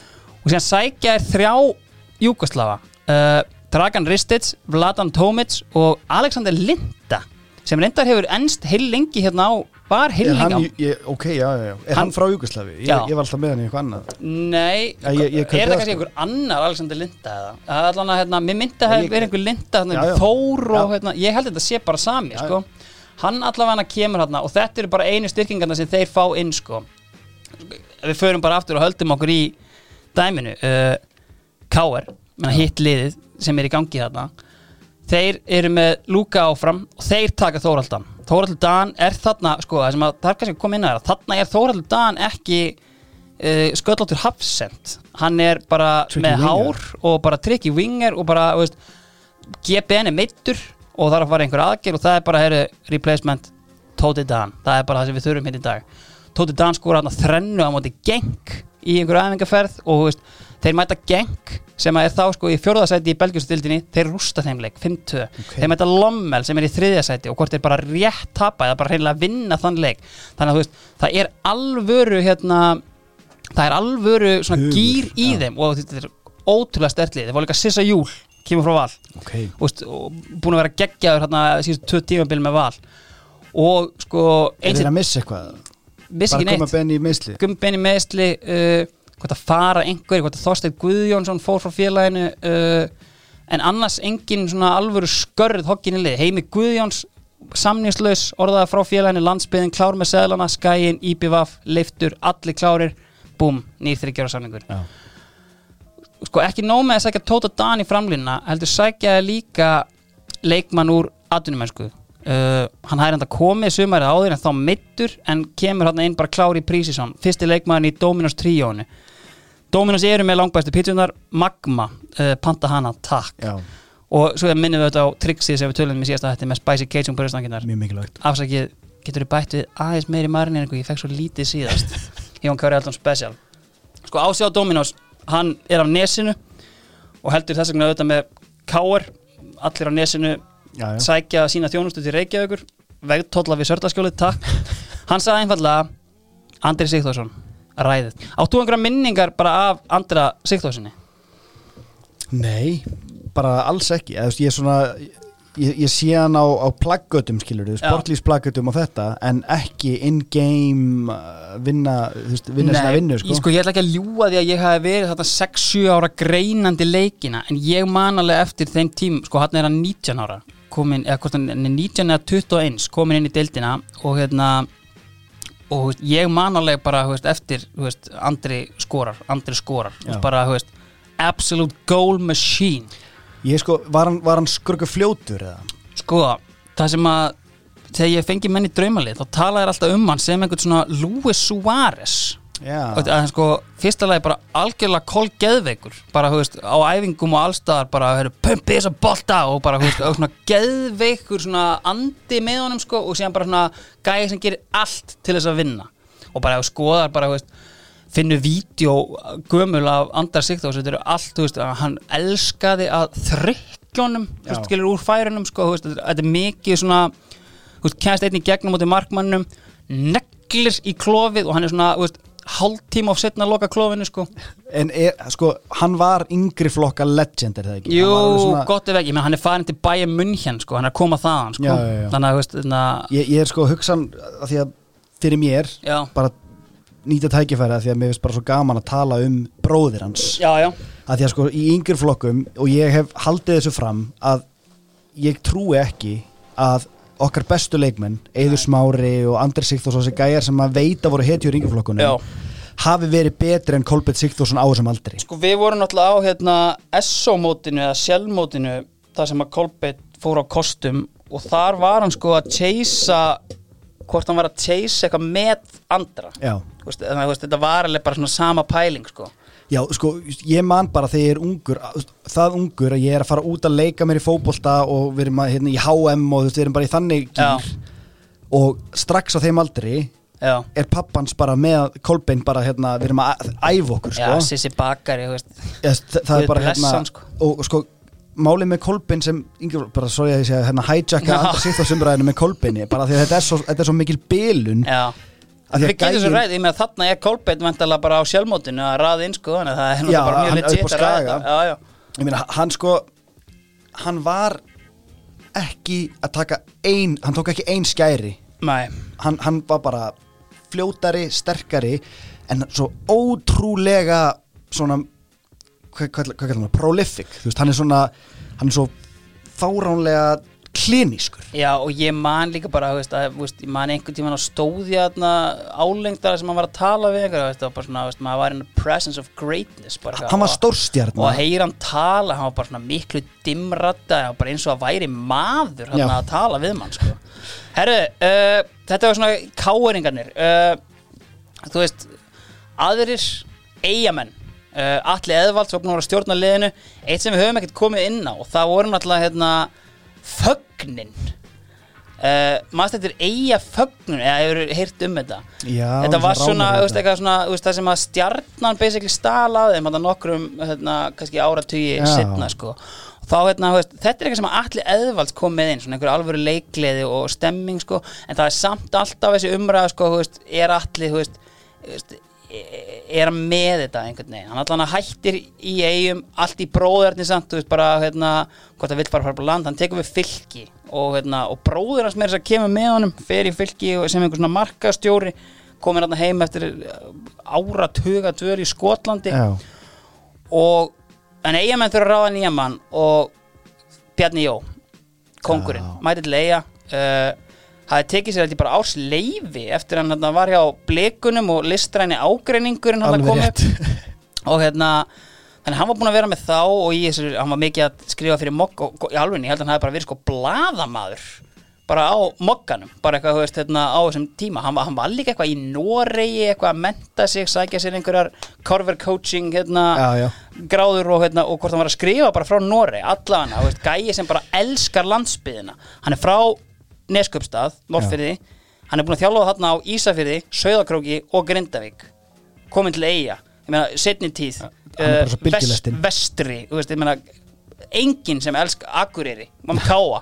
Djúvill elskar hann landsbyðina þeir eru stór huga sko. Hann að hérna, þeir sækja Sverri Sverris. Náttúrulega Bjarni fyrir sem hann þekkir. Það er verið með hann á Söðakróki uh, Sverrir kótu tímin og veist, kemur setna fyrir í þáttunum en veist, Sverrir, Sverris er svona hans Nico Kranzjar fyrir Harry er sagt sótt hann í öll lið Já. sem hann var í. Uh, Friki Frik, markmaður hann er hættur. Stundin er runnur upp. Gunnar Sig kemur í ramman viss uh, og síðan svona bara á loka metrunum eða fá líka hérna Guðnar Rúnar Helgason mannstu þetta honum með það? Já, strípaður. Já, einmitt vel strípaður. Hann var í Sönderland, vissur Ha? það? Já, já. Hann á eitthvað eitt eða tvö ár bara í Akademíu Sönderland sem er vel random fyrir gaur frá Húsavík. Hann kemur sko. Það nóðina já, hann kom allavega frá sko, hérna, hann var samt búinn að vera í völsungi uh, og kemur í liði þeir sækja líka bara draga upp úr erminni 23 ára gamlan Hjalta Jóhannesson. Bróðir, Stengrims Jóhannesson takk. Hann er farin að raðaði mig núna. Já, hann var bara búinn að vera að spila í utandildinni, bara með framherjum, KFS Ok. 23 ára. Nú er þinn tími komin herri, hann allavega mætir hann og komin í vörnina. Uh, þeir losa sig við Deadwood uh, Lulli Jónasar, hann hafði komið hann árinu áður, hann er farin í þrótt. Og síðan kemur himna sending bara mjög stuttu fyrir mót. Er Lulli Jónas, sorry, er Lulli Jónasar þar að leiðandi tengingin á milli fagn liðana Er Ha, hann þessi skemmtilegi maður í klefanum sem hann bryttar upp á þessu? Það getur ekki verið. Allavega himna sending mjög stuttu fyrir mót. Þeir ræna þarna manni sem búin að að starfa í drikjarvörumarkaði í Stuttgart millega sem að spila með varaliði félagsins Sigurvin Ólafsson. Ó. hann er komin heim, ég held að það sé 76 módel. Þannig er hann 21 ás og hann er mættur og veist, þetta er alvöru sæning veist, ég veit ekki alveg, veist, hann er sko hann fyrirliði U21 bara gæði með bara haug af yngri landsleikjum þannig að þetta er alvöru sæning þannig að þeir koma svona þeir koma sem hálgert óskrifa blað en þeir eru samt með þeir eru með stengrim frammi, þeir eru með tryggva frammi þeir eru guaranteed mörg, Já. þeir eru komni með venna í tíuna það er alveg hérna það er alveg legit spennandi. dæmi til að fara að gera eitthvað sko. Þetta er svona þetta helsta sem gerist á prísísoninu um, reyndar, stórt. Keflavík. Uh, Kjartan Másson, Kaki Más Youth, Youth. það er að þjálfa lið. Hann endi sig lengur. Farin upstairs, framkvæmda stjóri Vá. yfir maður knæspindumála Ha, djúl það nett. Við skútunni tekur Gunnar Oddsson Return of the King, kemur heim. Ú, kemur heim þessi spilandi þjálfari. Með honum er Sigur Björgvinsson þetta eru tveir af svona leikjahæstu leikmönnum. Ég held að Sigur Björgvinsson hafi þarna verið leikjahæstu leikmar Íslandsmótsins. Hann er þarna búin að vera eitthvað að dútla í reyni sandgerði hann allan kemur og veist, hann er á hliðalínunni Gunnar Oddsson pulling the strings á vellinum og veist, þeir eru saman að þjálfa lið allan. Ok. Uh, ok. Færum okkur þá bara yfir í fyrsta þriðjungin takk. Ótrúlegu leikur í fyrstu umferð. Nýliðar mótsins eru fram sem að höfðu fallið þarna Já. og bara úst, bombuðust aftur upp undir stjórn áskriðsel hinn er nýliðarnir skallagrímur. Ok, frá fjósinu í, í Borganesi þarna er Óli Jó tók við liðinu liðinu ári áður og bara ég er mættur, ég ætla upp. Ég ætla að smíða með lið. Já, ég, ég byggi mér hús. Hann, hérna, veist, hann fer með þá og hérna, fyrsti leikurinn er þá mæta þær stjörnum prítuliði leifturs uh, nokkuð óvænt er 0-0 í hálfleik. Og fólk er svona, veist leiftur er þarna búið að vera að raða inn leikmönnum. Sko 0-0 í hálfleik 53. mínúta. Sending inn fyrir Hilmar Hákonarsson Borgarnes Legend.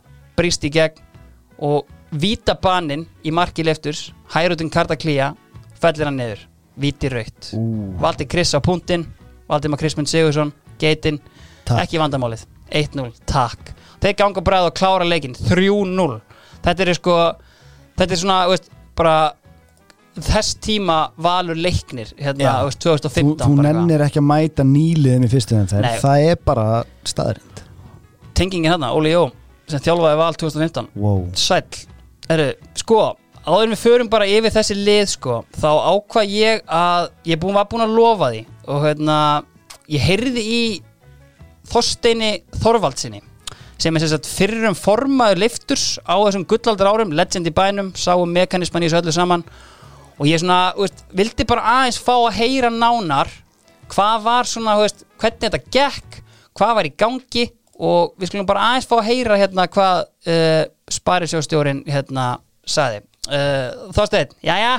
Jæja, svona ef þú ferða aðeins kannski yfir kannski einmitt, þú veist, upphafsárin sem að kannski eru þarna í kringum á nýjunda áratögnum, svona, veist var þá fyrst svona tekin stefnan þegar gera allögu að því að vera með lið á Ólafsfyrði í, í fremstu röð? Nei það var nú ekki, það má eiginlega segja að við höfum upplifað tvö leiktisæventýri Já. sem við köllum fyrra var frá 83 til 88 og þá förum við beint upp á fjórumdelt og upp í eftirdelt og 87 þá hérna spilum við hreina múrstöldaleg við, við þrótt í Reykjavík. Þegar það var rosalega uppdelt þá. Mm -hmm. þegar tvær umfyrir voru eftir þá gátti sexlið farið Já, og við spilum við þrótt síðasta leikinn úti.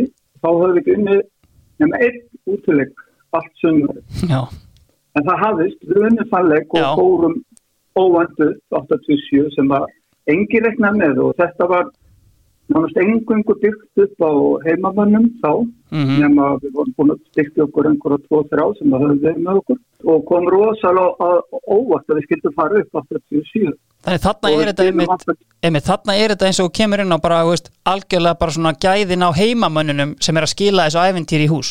Já, það, það, var, það var það fyrra, fyrra leiktusæfintir var engungun annar spila á heimannum og svo þegar við förum í fyrir voru aðkomumenn Steinar Ingemyndarsson og Gustaf Ómarsson. Og þetta var nú kjarnin en, við vorum eina liði sem að spilaði á möð þá 88 og úrstöldin en þetta ár var stórmerkilegt að þýleti til að það voru fjögur lið á Norðurlandi í deil. Svo 94 þá fórum við að svona að hugsa meira svona styrkja okkur og fengum fyrsta útlendingi til okkar, Lóbaka Mýrusuk sem er nú sjálfari hjá okkur núna KF í dag. þá hefur náttúrulega skilað ótrúlegu verki hérna fyrir norðan. Já, það var eitt besti vartanbann sem það hefur komið og það var en við 94 vorum við ekki með nema hann sem útlending og svo vorum við búin að styrkja okkur aðeins svona af Íslendingum. En, en ekki mikið. Nei, en 95 þá sko, þá finnst mér svona koma kannski mesta statementið í því að sækja kannski svona jafn stóran leikmann og stóran prófíl og Gunnar Oddsson var. Var það kannski svona mikill kvalreki fyrir ykkur að maður á hans kaliberi var tilbúin að koma norður einhvern veginn og, og fleiri þá fylgja í kjölfarið? Já, sko, það má, má segja það að, hérna 91 Já, þá hérna þá komum við upp, hérna grasvelli og bæjarstjórnin og, og samtalaði allt var rosalega jákvægt og bæjarstjórnin var svo einhuga að styðja takki okkur og, og gerði myndalega grasvöld sem var uppið þar sem hafði hvergi tíðkast í Íslandi nema hjá, hjá blíkon. Það var, það var svona og það var bara með betri græsvöldum á, á landinu, hann er um 30 ára núna. Og þetta var svona líka til þess að menn voru tilbúin að koma hingað og góði spilarar. Og, og þessi menn sem komi hérna þau upplifðu það að, að samfélagi hérna var svo samstíka og það var svo einhugur að allir voru að róa í sögnu átt. Við vorum með til dæmis þrjú hérna, stuðnismannafélug já, sem að, þeirra verður blíðfara sem voru, sem voru landmenn Já. og svo voru tvö stundmenn fyrir sem heit Nikolás sem var áhafnan fristutóvar hérna Sigurbyrgi og Bóð Ok. og Ketil og sem, sem var áhafnan tveimur öðrum fristutóvar mm og menn voru allir svo jákvæður og samfélagi þegar við vorum að ná líka góðum árangur þá þá voru bara allir, allir bara að- róa þessu nótt og rosalega stemming hjá bæjarbú. En maður er einmitt svona sér þetta fyrir hérna, þetta tímabil 97 sem við erum að ræða hérna núna.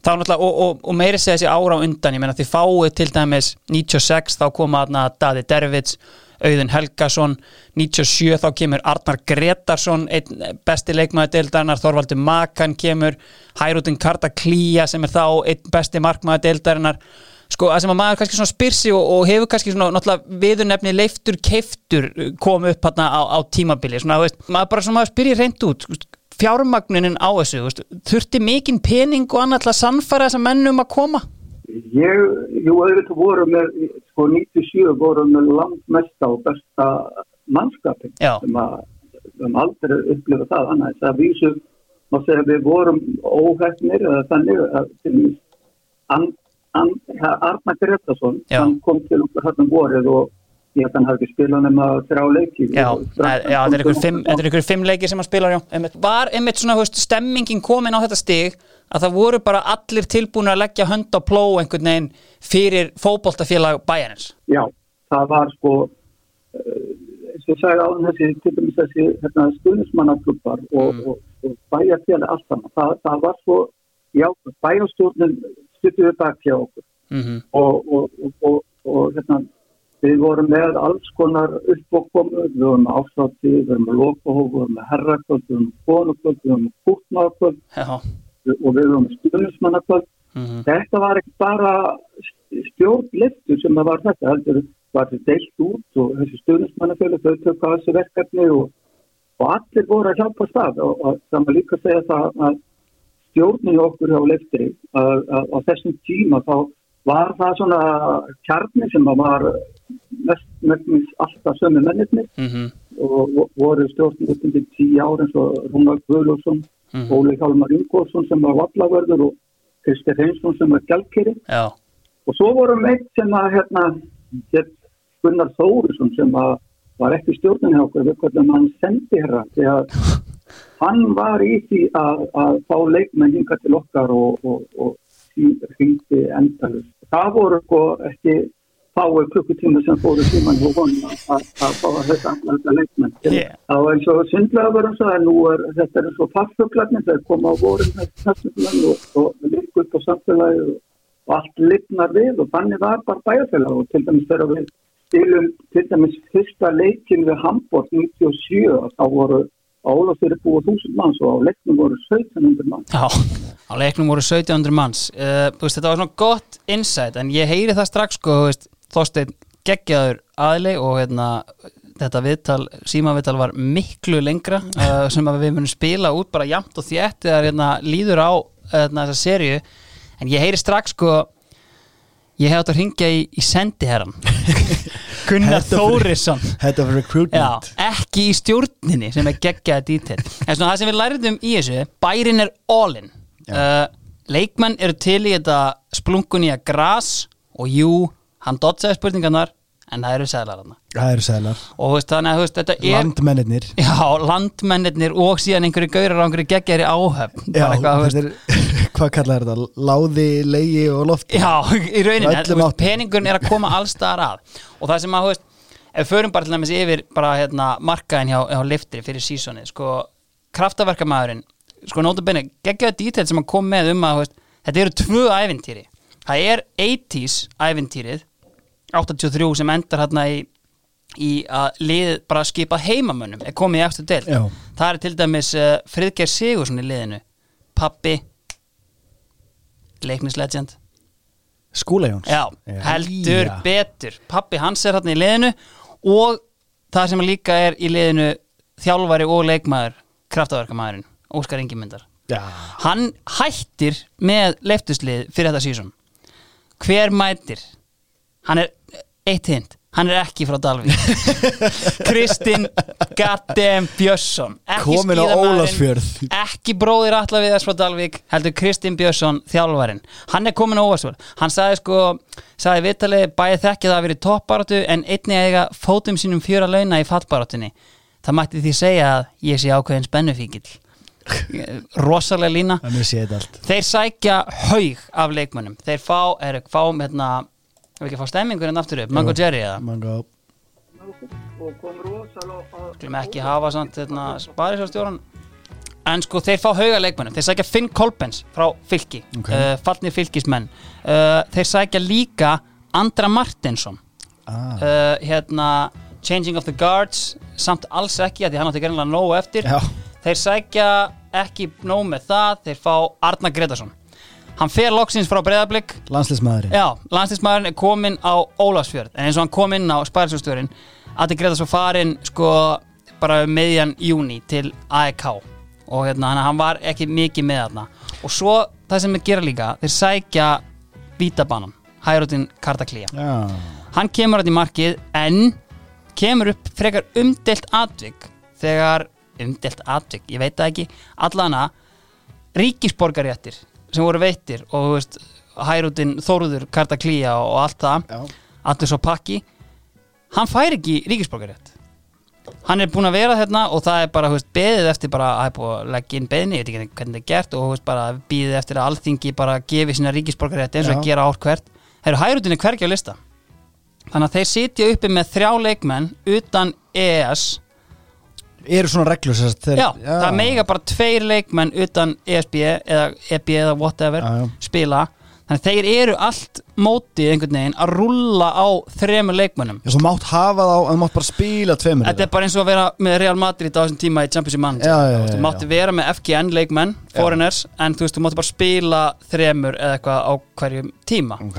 Þannig þeir eru alltaf að rulla Hærutin Kartaklía, Radosla Lasarik og téðum Sloboda Milicic Væri búin að segja að þeir fengur líka Andra Martins Já, sagði það Já, uh, sett hann þetta í bakverðin Það hefði gefið vel fyrir hérna mönnum En En, en segi, segðu mér, Já. hvað stöðu spilar hann? strækjar Já, þannig að þeir eru með sko besta miðurinn sinn, markmannin sinn Já. og besta Já, strækjarinn sinn be- erum við hryggjar stikkið er á að vera eh, frá Júkoslavi sko. já, já, já, og þeir, þeir geta bara rúlað það er heldur erfitt að ætla að vera eitthvað byggja upp eitthvað momentum Já, þegar- líka pyrrandi sko, þeir voru einhvern veginn, veist, alltaf, veist, þetta var yfirleitt sko Lasorik og Karta Klía, hann hefur alltaf skiptum markmann eitthvað sko, En máttur þess að þetta var spurningum inn á vellinum eða í hóp? Í hóp, Já, ok, ok þannig að þú bara gast ekki, Já, já, já. veist, og valla væri að fara að skipta Karta Klía út fyrir hérna Lasorik sko, Nei, tvö- tvöföld skipting eða já, en hérna, en þú veist, þetta er alltaf staðan hjá þeim, sko, sigurvera leiksins, skallagrimur, uh, ég ákvæðan alltaf bara að nýta tækifærið og ringja í,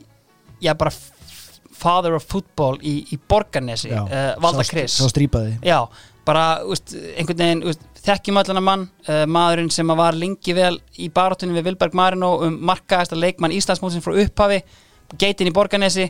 Uh, ég heyrði bara kannski hérna, ja, kannski ég heyrði í honum og bara fá hann kannski að heyra hvað hann hafði málað að segja. Þið farið þarna árinu áður nokkuð óvænt, leifi ég mér að segja upp úr bjedeldinni með Óla Jói Brunni, þarna er kannski, veist það er ekki mikið kannski endilega um styrkingar á liðinu, átti bara að fara á þetta sem eins konar ævintýri eða? Já, ég sagði ykkur viðtalið hérna fyrir mót að hérna, eða eftir mótið ári áður að hérna, þetta eða myndi ætti að vera æfintir sem við ætlum að njóta og hérna, það var kannski svolítið soliðis hjá okkur flestum sko. En við fengum smá bætingunni fyrir mót sko, þetta við vorum samháp og ári áður.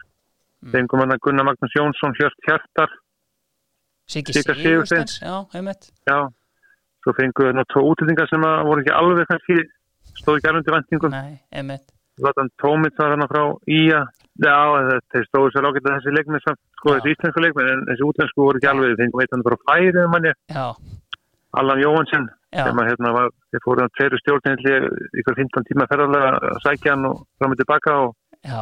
ég ætla hann að spila eitt leik og svo var hann bara komið heim frá höldi og fór aftur til fariða bara. Það var mjög stutt aðeindir í honum, sko. Já. En þið náttúrulega byrjið þetta af gríðarlegum krafti og það er hérna þessi leikur á móti leiftri sem maður getur ímyndað sér að menn séu enn að ræða bara í hirnunni í dag. Já, það var rosalega skemmtileg byrjun hjá okkur sko því að eins og leiktu hérna þessum árum, kektu hérna þér, það er svo mikið aðkomunum, já, en hérna einhvern veginn náði bara Óli að hérna að gefa eitthvað gang svona fyrir leik, einhvern veginn bara með, þú veist, með góðri ræði fyrir leik og pumpa okkur svolítið upp.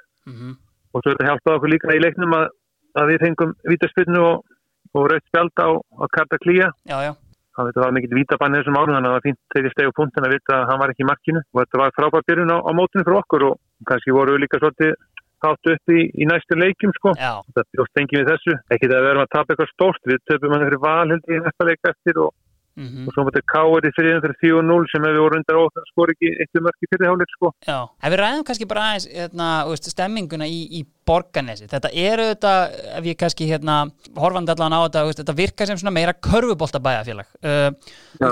tók, tóku yfirvöld eitthvað svona við sér kannski og svona, þú veist, var stemming í bænum fyrir fótboltan þarna eða, eða var það kannski alltaf búið að vera á þessum tíma? Það hefur aldrei verið mikil stemning því miður fyrir fókbalta í borgarins þetta var maður auðvitað sár og þetta voru alltaf ákveðnir sem, á, ákveðnir le- menn sem komu á alla leiki og allt það skilur alltaf Mhm. eitthvað í kringum þetta. Já, en og ég var nú að skoða hann eins og bara áhverjandafjöldan á leikjónum hann í Júrastöðu 97 sko. Já, þetta voru kannski svona 200-300 svona menn, í flestum leikjum í okkur sko. Held að það er þúsund mann sem móti spilnaði í í fyrirumferðinni ég man ekki hvað voru margir hérna í, í síðasta leik þetta verið bara líkuðu tala um það voru hundra á sem voru skráði ég er ekki sem að það verið svo margir í brekkunni sko. Nei. Og ef við einmitt förum í skilur, þú veist, og þetta, veist, þetta er að því að þú veist, svona fær kannski fyrir fólki úr borginni og, og sjálfa mig og svona, veist, hafandi spila í fjórðudildinu og annað og, og ítrekka mætt skallagrím á þessu glæsilega vallarstæði að manni finnst sorglegt í rauninni að,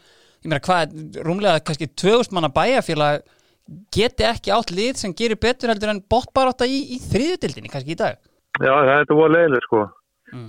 og ég þetta fóru hérna var svo frægur að fara upp í FC deild og svo alla leiðin, leiðin niður aftur sko þannig að það var alveg vist afreg sko.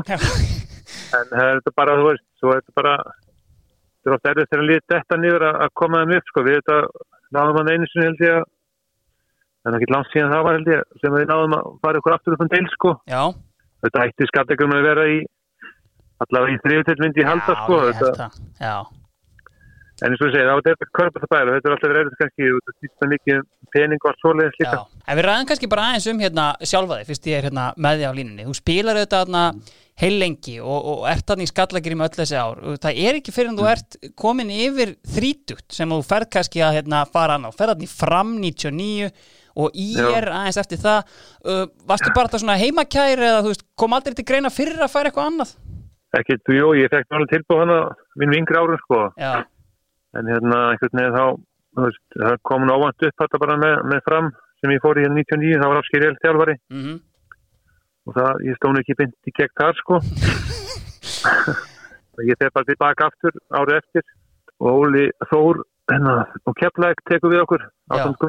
Jóns. Mhm. Þá var þetta líka erfið þar sko veist, þetta var bara svona margi menn farnir og allt svo leiðis þannig að þetta var alltaf, það fór alveg hellingur eftir.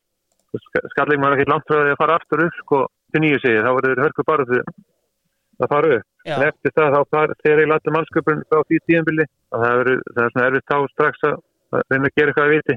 Þá taka einmitt við kannski tvö, tvö erfið ára, þarna 2000 og 2001 þar sem að þar sem að Auðun Blöndal er að leiða sóknarlínuna, uh, hvernig var svona, inn, hvernig var svona innkoma hans inn í, inn í bæjarfélagið og bara svona inn í, í liðið? Það var nú, á þessum tíma var hann ekkit orðin neitt nafn sko skilur Nei. það var ekkit orðin eitt stjælu þarna. Nei, ég man bara, við vorum alltaf að kera milli, ég hefði bjóð í bænum þarna í, eh, 2001 já, og þá hérna og þá erum við að kera alltaf milli nokkuð saman sko. Já. Og hérna þá var hann auðvitað hérna að reyna að koma sér inn hann á stöð 2 tala ekki, ekki um annað í bílnum allt sumar en hann var að komast þannig, hann var að vinna í eitthvað. Hvernig var til dæmis, nú varstu í svona mjög áberandi baráttu kannski um þetta fræga markamet einhvern veginn að berjast þarna við, við Vilberg Marin og svona, veist, maður svona fylgdist með þessu án þess að sjá neina leiki, maður bara sá uppfærðar töflur svona við og við Varstu vakin, varstu vakin og sofin yfir þessari veist, hérna, var Nei, þetta nei. taugatrekkjandi eða? Nei, nei, nei, alls ekki sko. það er líka bara svona ég hef þetta spilað held ég fyrstu þrjú fyrir árum mín þá spilaði ég sko sem center Já, en sko frá hvað 90, og- hvað ætlaði að vera, 94 þá fór Siggi Donna í taktíkina 4-3 já, sem var svona reyðsettur rúms aftur, menn var alltaf í 3-2 hérna og mhm, þetta undan. Þannig að þá fór ég á kantinn á vinstri kant og ég var það svona gríni að þú veist að það kannski betra að vera á kantinum en þá er maður alltaf að spila móti liðlista mannin liðina því bakgrunni voru til svona valdið síðast í liði sko. Þannig að það gæti átt svona einhvern veginn þetta sem er það sko. Já, einmitt. Þannig að það svona, ég veit að var sko, skotið bæði með hérna vinstu og hægri en það var kannski ekki besti skallamæri heimi það var ekki mörg. Já, ég er nú bara ánað að hafa verið fyrst til að ná 200 mörgum, það er 200 mér alveg sko. Já, fyrstur upp í 200 mörg, Valdur Chris, kongurinn, leikmann nummer 2 í Dominos tríóinu og talandi um uh, Dominos tríóið, sko, hann vildi, sko, hann hérna, Þorsteinn, vildi lítið ræða peningamekanisman og svolítið svona afveglega umræðan það, en R3 ráðgjöf, þeir gauguðu því að mér, þetta var alltaf på tíu. Þeir kíkti í bókaldið, sáu bara tíja, þetta er ekkert mál. Og, en ef þið eru með verktakagreistur þá heyrið þið auðvitað í R3 ráðgjöf. Sko, þetta var einmitt sko upp á topp í skattakynsliðinu var Hjörtu Hjartarsson já. það er svona kannski helsta nafni og síðan Hilmar Hákonarsson, hann er svona hinn uh, skattakynns legendið en þetta er svona eins og hann kom inn á veist, þetta var bara bærin er komin upp. Algjör anstaða við Ólafsfjörð. Þetta er bara með tvo gjörsanlega anstaða póla, Já. þeir eru komin upp þetta er bara æventýri, tökum bara eitt ár hérna og, og beint aftur niður. Við erum að lifa á þessu lengi. Og bærin einhvern veginn ekki að taka þetta all in Gjössanlega ekki, bara enga venn helmingi stærra bæjarfélag, Borgarnes. Uh, það er bara allt í George Boyd og, og félag í hérna körfunni sko. Jú, jú. Herru, uh, annað sem gerist í þessum móti uh, fáum aftur upp betan sko Ívan Gólak, sá mikli höfðingjameistari sem ég kom inn á hann, byrjaði alls ekki vel. Uh, eigi, skagamenn farið til eiga uh, eigamenn rúla yfir þá, lokatölur 3-1 uh, tekið skoraði 2 klúraði víti, gríðalegt fjadrafóki við því, hann dæfaði. Þurfti að beðast afsökunar á því. Og Kitty Jak þurfti að beðast afsökunar. Að hafa dæmt vítið, menn voru alveg trillti Zero tolerance. Já, og bara svona sambælega kannski við að þegar móði þarna, skoraði þetta marki svona, allt svona er svo nýtt einhvern veginn Já, að veist bara, menn algjörlega trillast þegar verða varir við eitthvað svona uh, Gólag mætir leik mætir eftir, hérna, eftir leiki viðtal. Bara, já, ég sé alveg hvað er í gangi hérna. Ég er nokkuð viss um að við munum vinna næstu 17 leiki. Ég, ég sé alveg hvað hérna, ég sé alveg hvað mekanisman í þessum fótbolta. Uh, f- við erum að gefa mörk en ég held við vinnum næstu Þetta er 17 quick fix. Já. Eh, spoiler alert, þeir gerðu það ekki. Þeir gerðu jafntefli við leiftur í næstu umferð en síðan fara þeir endur á ágættis raun hvort þeir vinna næstu þrjá eða fjóra.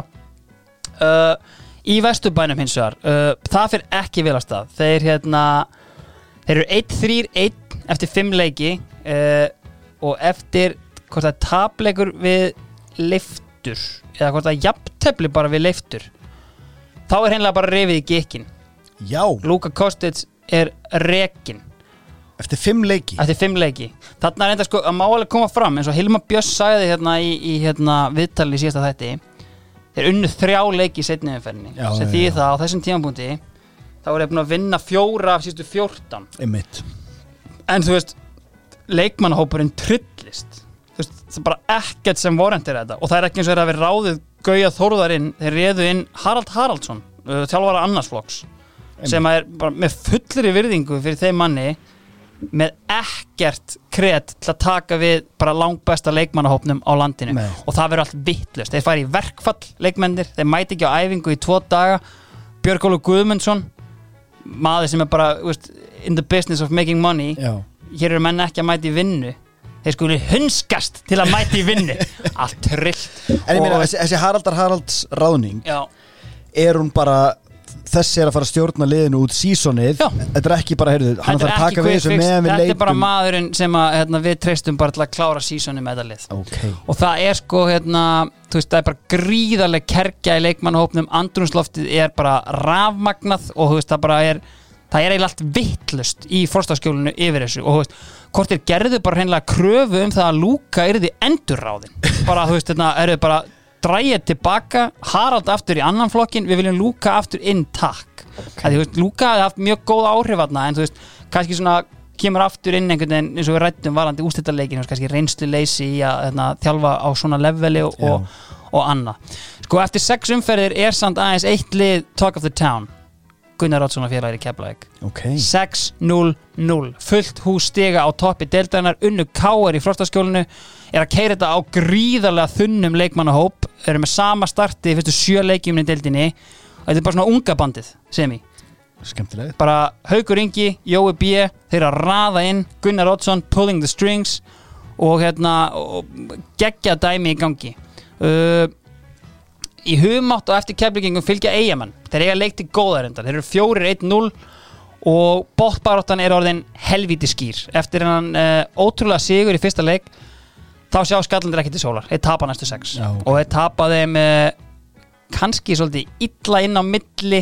Þetta er svona eitthvað að ná að keira upp einhverja stemmingu í að tapa lítið. En síðan koma bara alvöru skell ég held að eini sigur K.R. hafi verið á skallagrim 4-0 eða eitthvað svoleiðis. Já, já. en veist, það er erfitt bara. En enn erfiðari mál eru í gangi í Garðabænum.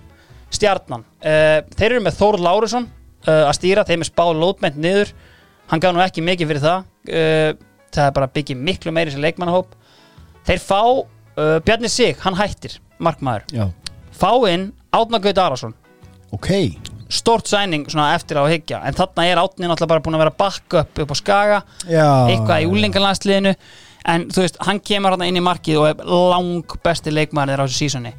Þeir missa Baldur Bjarnason uh, fylgis leikmaður uh, pappi Hildar Völu leikonu sem var með okkur í Vestunarskólanum, Já. mikið legend. Sko, hann bara hættir, guðum að vita hvað hann fór að gera. Ég veit að Óli Jó reyndi að fá hann í skallagrim. Og það var eitthvað sko case bara, út flugmaður þú flýgur bara aðeins það var eitthvað svoleiðis dæmi sko. uh, júli glukkin hjá stjörnunni þá eru þeir í skýtnum Þórður Lárusson er rekin inn kemur nýrþjálfari þú mátt geta einu sinni hver það er.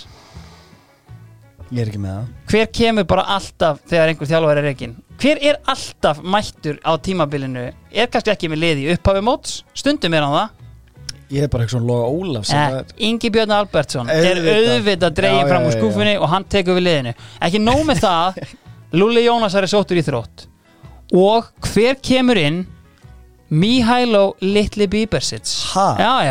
Bibbi eða Mikki hann mæti þarna eflaust ekki í toppstandi. Hann hann hafði sko sæna hjá blikum fyrir mótið en það bara gekk ekkert upp. Hann var hætt þar til tvoleiki og fer í stjörnuna. Ingi Björn ætlar að kveiki í honum. Uh, sem fáði líka sumarlega Átnason sem var lítið að fá að spila hjá Bjarnar Jó þannig að þeir reyna. Já. En það gengur ekkert.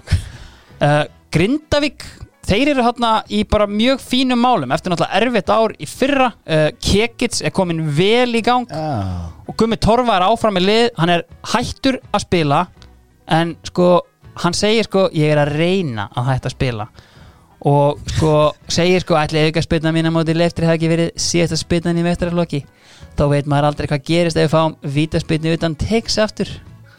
Vá. alvöru til í að hérna, sína allt sem hann getur.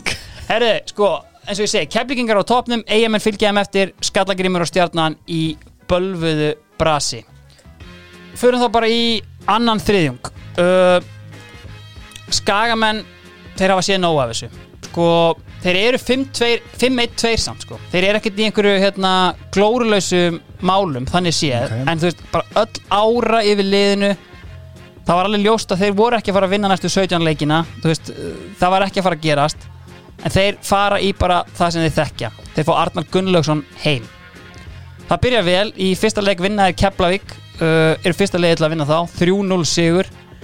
En það heldur samt alltaf áfram úst, þeir, þeir bara can't catch a break Haraldur Ingólfsson, mm. geitin Já. hann hafði farið í Aberdeen um veturinn, Já. kom rétt fyrir mót hann fær botlangakast, missir að þrema leikjum Arnar Gunnlaugsson kemur spila tvo leiki, fer svo til Bolton og þeir bara halda í rauninni áfram einhvern veginn að skýta á sig Er, er, er þetta sami leikmannahópur í grunninn það fór enginn sko já, en þeir eru samt einhvern veginn sko Bíbersins náttúrulega fór, hann hafði spilað þarna hálft tímabili, Bjarni Guðjóns er já, til já, já. Það er náttúrulega kannski stóra í þessu líka. Uh, hann, hann byrjaði samt eitthvað móti sko, spilaði eitthvað en síðan fer hann sko. Ok.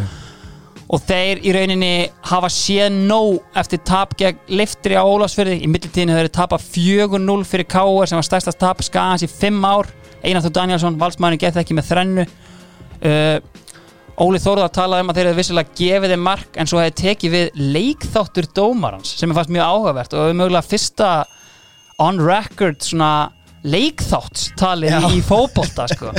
þannig að hérna, það var heldur skemmtilegt. En Ivan Gólat er rekin uh, þá er meira þess að ekkert sem að spila heldur með liftri á þessu er, eða, þegar þið tapa þarna þessu leik. Liftur var sko í miklu verri málum. Arnar Gretarsson var farin, Auður Helgason var í aðgerð og þeir voru nýbúin að spila einhvern Evrópuleik þar sem að Karta Klía og Mílisits var bara eitthvað haldið í Þískalandi í heilan sólarhing komu allt og sint og meira þess að sko Þorvaldur Makan sem var búin að vera heitasti leikmann hjá Leftri hann var mittur og sko veist, þannig að þú veist þeir voru að mæta sko löskuðu liði já, já. get ekki unnið það. Gólag, bless. Sko það er náttúrulega búið að ræða hennar mann uh, þokkalega, Ívan Gólat. Uh, ég mæli með að tjekka á skagarhæðlistinni þeir gerðu bara heilan þátt um hann voru með menn í viðtali og, hérna, og bara svona ræða og þetta er trúður það er í rauninni bara það sem hann er. En það sem þeir sögðu samt uh, Steinar Adolfs og hérna, Pálmi Haralds þeir sögðu að hérna, veist, þetta var bara svona manager. Veist, á Íslandi þá kemst ekkert upp með að vera bara einhver manager. Ja, veist, já, þeir bara sögðu bara við vorum í engu standi. Veist, þannig að búin að í tværa æfingaferðir en það var enginn sem gætt hlaupið og vantaði bara- leikir Það vantar bara æfinga vallar gæði já, já, bara, það bara- þú veist, og, gólaginn var ofta hann eitthvað, var mikið í reytabolta þar var hann geggjað, fór samt aldrei inn í sko. og þetta var bara algjört einhvern veginn svona bíó og bara enginn sem fílaði hann einhvern veginn. Það var enginn eitthvað sem hafði neitt sérstaklega jákvætt um hann einhvern veginn að segja sko. Þannig veist, hann er rekin uh, skæðin skoða að fá lúka inn. Gekk ekki. Lói Ólafs kemur aftur. Og fyrsta sem hann gerir það er bara að henda í prísísum hann kemur inn bara held ég í landsleika glugga og það er bara æft tvisar í viku eða, nei, tvisar á dag í hérna tíu daga og bara menn að koma sér í stand aftur sko. Og veist ekki nóg með það einhvern veginn að Gólats hafi tekið við þessu liði og veist, hann var bara að gunna á Evrópu. Bara í, veitunum fyrir ekki, ok hérna er liði sem er búin að vinna 5 titl í röð. Hvað næst? Við ætlum að vinna veist, þetta er bara þvílík hann hefur kannski, sko, ég pælt í þessu. Hann hefur kannski hitt hérna mannin sem að kom upp á skaga hana, rúsneska kjarnæðisfræðingin verið með móteli frá honum einhvern veginn. En þú veist, þetta var bara það- að bara stóð ekkert undir neinu sem þessi maður gerði sko. og veist, hann fekk hann þess að þrjá útlendinga veist, það sem að gerist er náttúrulega að þeir geta ekkert. Þeir geta ekki neitt. Og hérna, Spilaðir eitthvað eða? einn er sendur held ég eftir einn leik í Skallagrim eins og hérna hann valdi Chris kom inn á. Hinn fer síðan aðeins setna í Skallagrim. Þeir komast ekki eins og liði hjá Skallagrimi sko. Ok. þannig að þeir bara veist, ekki nóg með það, þeir missa Bjarnar Guðjóns uh, Arnar Gunnlaugs kemur og fer. Styrkingarna þeirra voru engar og bara veist, eitthvað tal um svona að Gaurin hafi bara verið hálgerur umbóðsmaður líka.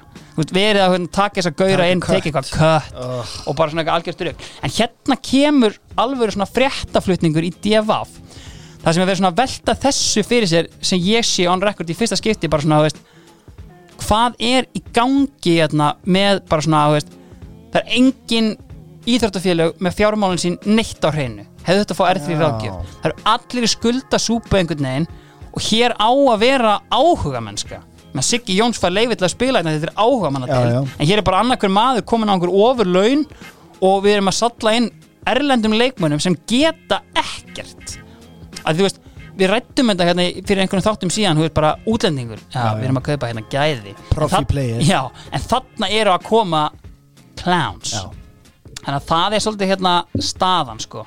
Og meiri sér íþróttablaðið, okkar menn eftir að þeir hérna, spörkuðu tóka þráins þeir eru farin að velta þessu upp líka sko. Já, já, og það var einmitt hérna í þessari könnun Já.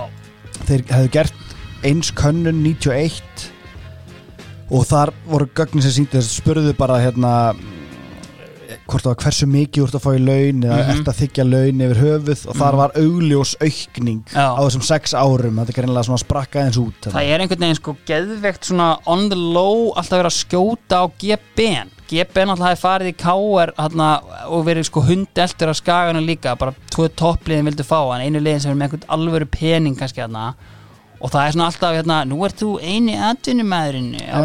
öll viðtöl við gepa en enda á sko nú ert þú atvinnumæður Já, uh, hvernig er það? Og hann alltaf nýðir þig Já, og, og, hérna, og svona verið að í að og alltaf vera bétur, já, dagurinn minn er nú bara tekinn, ég vakna hérna, hann alltaf kannast nú ekki við það að vera atvinnumæður þetta er hérna mjög sérstætt dæmi. Sko, aðeins með Arda Gunnlaugs, hann kom hann inn á móti Keflavík, skorar í fyrsta leik. Uh,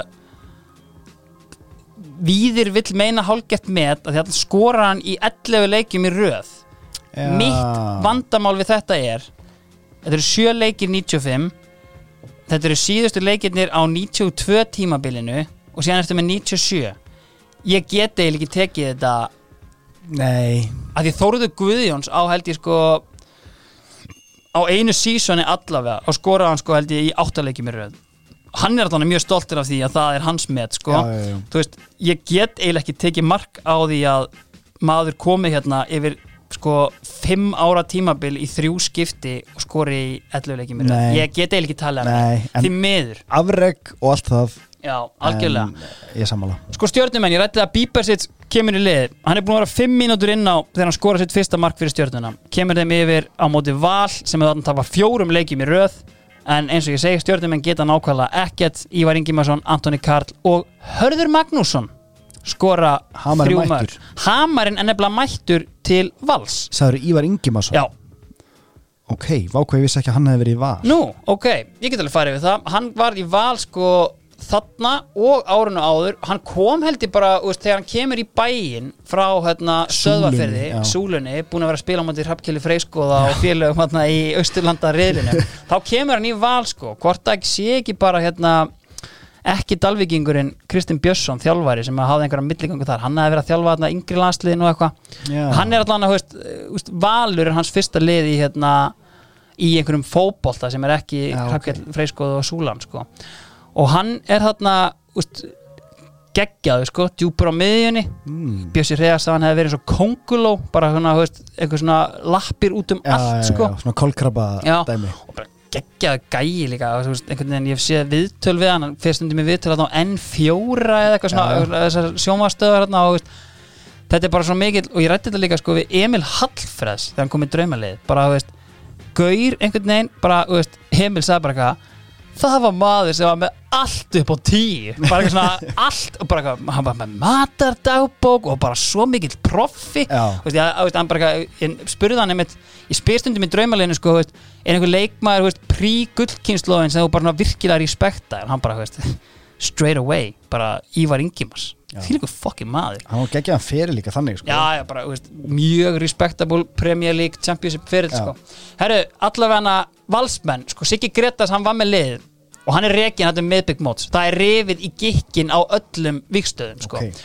Meiri peningar, meiri kröfur. Já, eh, gerfi peningar sko, platt peningar í rauninni Já, veist, já, það eru engi peningar en það er verið að búa til skuldir út um allan bæ sko. Inn kemur Láki Átna 27 ára gamall. Þá er hann til þjálfæri annarsflokks þeir fóru í Haralds Haraldsons Já. mótili og, og hann kemur inn sko, Siggi Gretas basically segir sko, sem að er alveg að einhver veit að taka undir þú, veist, þú gerir ekki kjúklingasalat og kjúklingaskít. Já, það er bara, já, veist, ég menna leikmannhópunum var ekkert styrtur, bla bla bla. Þú veist, þeir bara get ekki skorað. Það var vandamálið þeirra í fyrra. Þeir, reynd, þeir fá inn hötta en, en þú veist, það gengur ekki og veist, hötti skora bara í já. það eiginlega síndi sig þarna þetta tímabil sko. Fá inn í júlíklögunum Holmstein Jónasson lungin leikmaður sem hafi komið ferskurinn í framliði á sínum tíma. En þú veist, kannski lítið búið að vera í gangi í honum á þeim tíma en, en þú veist þeir halda áfram í reyna skóringin og þeir sogast aðeins í fallið sko, þú veist bara hérna málega bara skallagríma stjarnan eru svo ógeðslega liðlegir að þú veist, einhvern veginn það kannski já, nær já. aldrei að svona kölmineta í einhverju mögnu en þarna eru þeir að rjúfa fjagrarleikja taprinu, bara algjörlega lífsnöðsynlegu sigur. Sko uh, aðtiklisvert í öðrum þriðjungi uh, við erum búin að koma inn á kerkjuna í káarliðinu hún minkaði ekki fyrir leik á móti eigamönnum þegar þrý leikmenn eru settir utan hóps vegna agabans er bara, þetta er ekki bara eitthvað Edilon Reynsson og eitthvað, þetta er sko þetta er Rikki Dada Heimi Guðjóns og GBN Vá. uh, þeir eru settir í agaban uh, það sem að ég kemst næst og þetta má endilega leiðrétta ég reyndi að heyra í Rikka Dada en mér skilst að hans er einn erfiðasti maður í heimann og ég ætla að fá hann í síma vitalina Já, mér skilst að þeir hafi sem sagt verið að fagna fæðingu landslismannsins Albert Guðmundssonar. 97 já, Vá. Hann er fættur hérna 15. des. Þeir eru gripnir glóðvolgir við að fá sér kaldan 16. sagði ég des, ég meinti júni Já, og þeir eru gripnir glóðvolgir hérna 16. júni the official jam dagur landsins. Já, þá eru þeir gripnir í nokkrum köldum. Ég er samt fór á stúfana með þetta og þú veist þetta var ekkert eitthvað, þú veist, þeir voru ekkert upp á borðum á, á Astro, sko Nei, það var, voru nokkri, þetta var bara eitthvað og, og bara Haraldur Haralds að reyna stimplin eitthvað authority. Þetta er svo mikið gamli skólinn samt að fagna fæðingu fá sér bjór. Þeir hafa verið undir sterkum áhrifum djöblaeigunar, það sem að Batti, náttúrulega kongurinn í djöblaeginni er Já. á sko húrrandi fyllir í með að syngja sjóhattin þarna þegar Batti Já. fæðist í næsta herbyggi sko. Þannig að það hefur klálega verið hérna Þetta er bara vindlar á, á sko byðstofunni Já, já, svona- potjett sko. En það sem þetta gerir reyndar í, úst, Haraldur Haralds er sko sigurverðin þetta Þeir vinna eigamenn úti í eigum 1-2 uh, Gott ef að Hilmar Björnsson hendi ekki eitt mark. Og Káir fara aðeins að vakna þarna. Dominos 3 leikmaðurinn Í næsta leik hendir í uh, 5 mörk á Borganesvellinum Ok, já eins og eins og Kristján Pátt. Jónsson var búin að benda á hérna Það er komið hér. Já, já. uh, klárlega met, engin skora sex allavega. Uh, en hann deilir þessu með nokkrum. Og sama tíma þá fyrir aðeins að fjara undan hérna kepplíkingum þetta er samt einhvern veginn svona, veist, ef við förum aftur í þetta agabann, þeir koma aftur inn í lið og veist, það bara heldur áfram að vera bara ömurleg stemming hérna hjá KR einhvern veginn. Og veist, þeir eru bara hillum hortnir einhvern veginn. Var þetta bara eitt leikur í dag? já, já, og bara konir beint aftur inn og, hérna, já. og Gummi var líka að jafna sig á einhverjum meðslum, hann var nýkomin inn einhvern veginn og hvort hann átt að vera í hóp í þessum leik en eða, já, ég held ég sé að fara með rétt mála ég hendi þessu bara í leiðrættingahotni en það fyrir aðeins að fjara undan kepplíkingum uh, þeir tapa þarna á tímabili sko 6 af 7 leikjum á einhverju rönni sko eftir að hann alltaf byrja stórkostlega og úst, það kannski líka kristallast í því þeir selja Óla Gott út. Mm. uh, Gott Skálksson er hann að 29 ára an absolute beast of a goalkeeper. Já, og þú veist, bara smá umræð um hann og þú veist uh, tæplega þrítur eftir þetta á hann bara solid 5 ári atvinnumennsku bara þú veist hjá þú veist, uh, Hibernian, Skotlandi. Og hvort hann fer síðan til Brentford. Þú veist bara og við eigum ekki það marga markmenn eitthvað í alvöru bolta til að vera ekki að tala um hann bara sem one of the absolute greats sko. þannig að ég held að það sé alveg hérna, klárlega eitthvað til að ræða. En þeir eru algjörlega inn í þess að þeir eiga þarna tvo leiki til góða sem einhvern veginn hafa dottið upp á milli og veist, eru veist, þrem stigum frá topnum en eins og ég segi, þeir tapa þarna sex á næstu sjö. Já, ok. Eigamenn halda sínu striki eins og þar en eftir 11 leiki þá selja þeir út hemmarheðars þeir þurfa replacement. Það er hringt í mannin sem Ivan Gólats taldi sig að hafa engin not fyrir Soran. Ah, Soran Milkovits mætir á eiguna klárar tímabili með þeim og veist, það er ekki talað um neitt annað en bara Ivan Gólats, how stupid are you? Bara hvernig gastu ekki fundið pláss fyrir hann að gæja En byrju, þeir fá hann sérst meðan hann er ennþá að nuffra eða?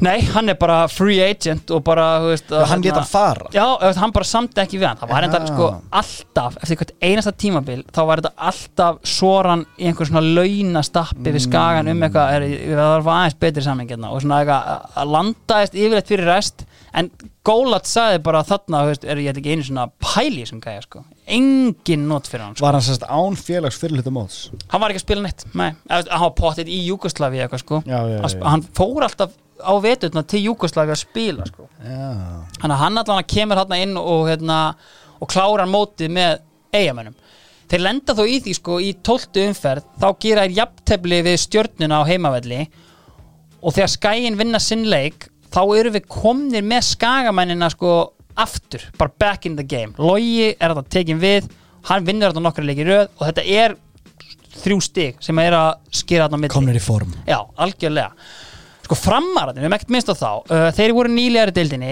Uh, Ásker Eliasson, búin að rífa þá upp uh, Hætti með landslið kom þeim bara mjög þægilega upp í úrváðstildina og hann var svona að sanka að sér úlingalandsmönnum, hann fær átna enga Péturs uh, fær Ása Arnars, heldur en hann hafi ekki verið úlingalandsmöður hann, en, en hann fær hann og síðan alvöru reynsla þegar það er Homecoming of the King eða svona Home innan gæsalapa þegar Pétur Arthurs, þinn maður, mætir úr leikni og hann sænar líka Svolítið eins og verkefnið. Já, Já, fram.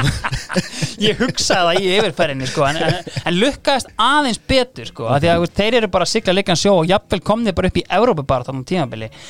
Ekki lítið sem að það skipti máli þó að þeir fengu líka Kristof Stoitskov hann skiptir um liðin eins og já. glimti náttúrulega að minnast á það í síðasta þetti Kristof Stoitskov spilaði ekki einn einasta leik fyrir Káar Ok, hann fór bara, hann kom og hann fór ég veit ekki alveg hvernig, hérna, hvernig, það, hvernig sá mekanismi einhvern veginn virkaði sko. en hann var í blikum tímabili áður fellur með blikum og fer í fram fyrir tímabili, fær líka til sín Stefán Loga Magnússon uh, Markmann ok uh, Hvaðan?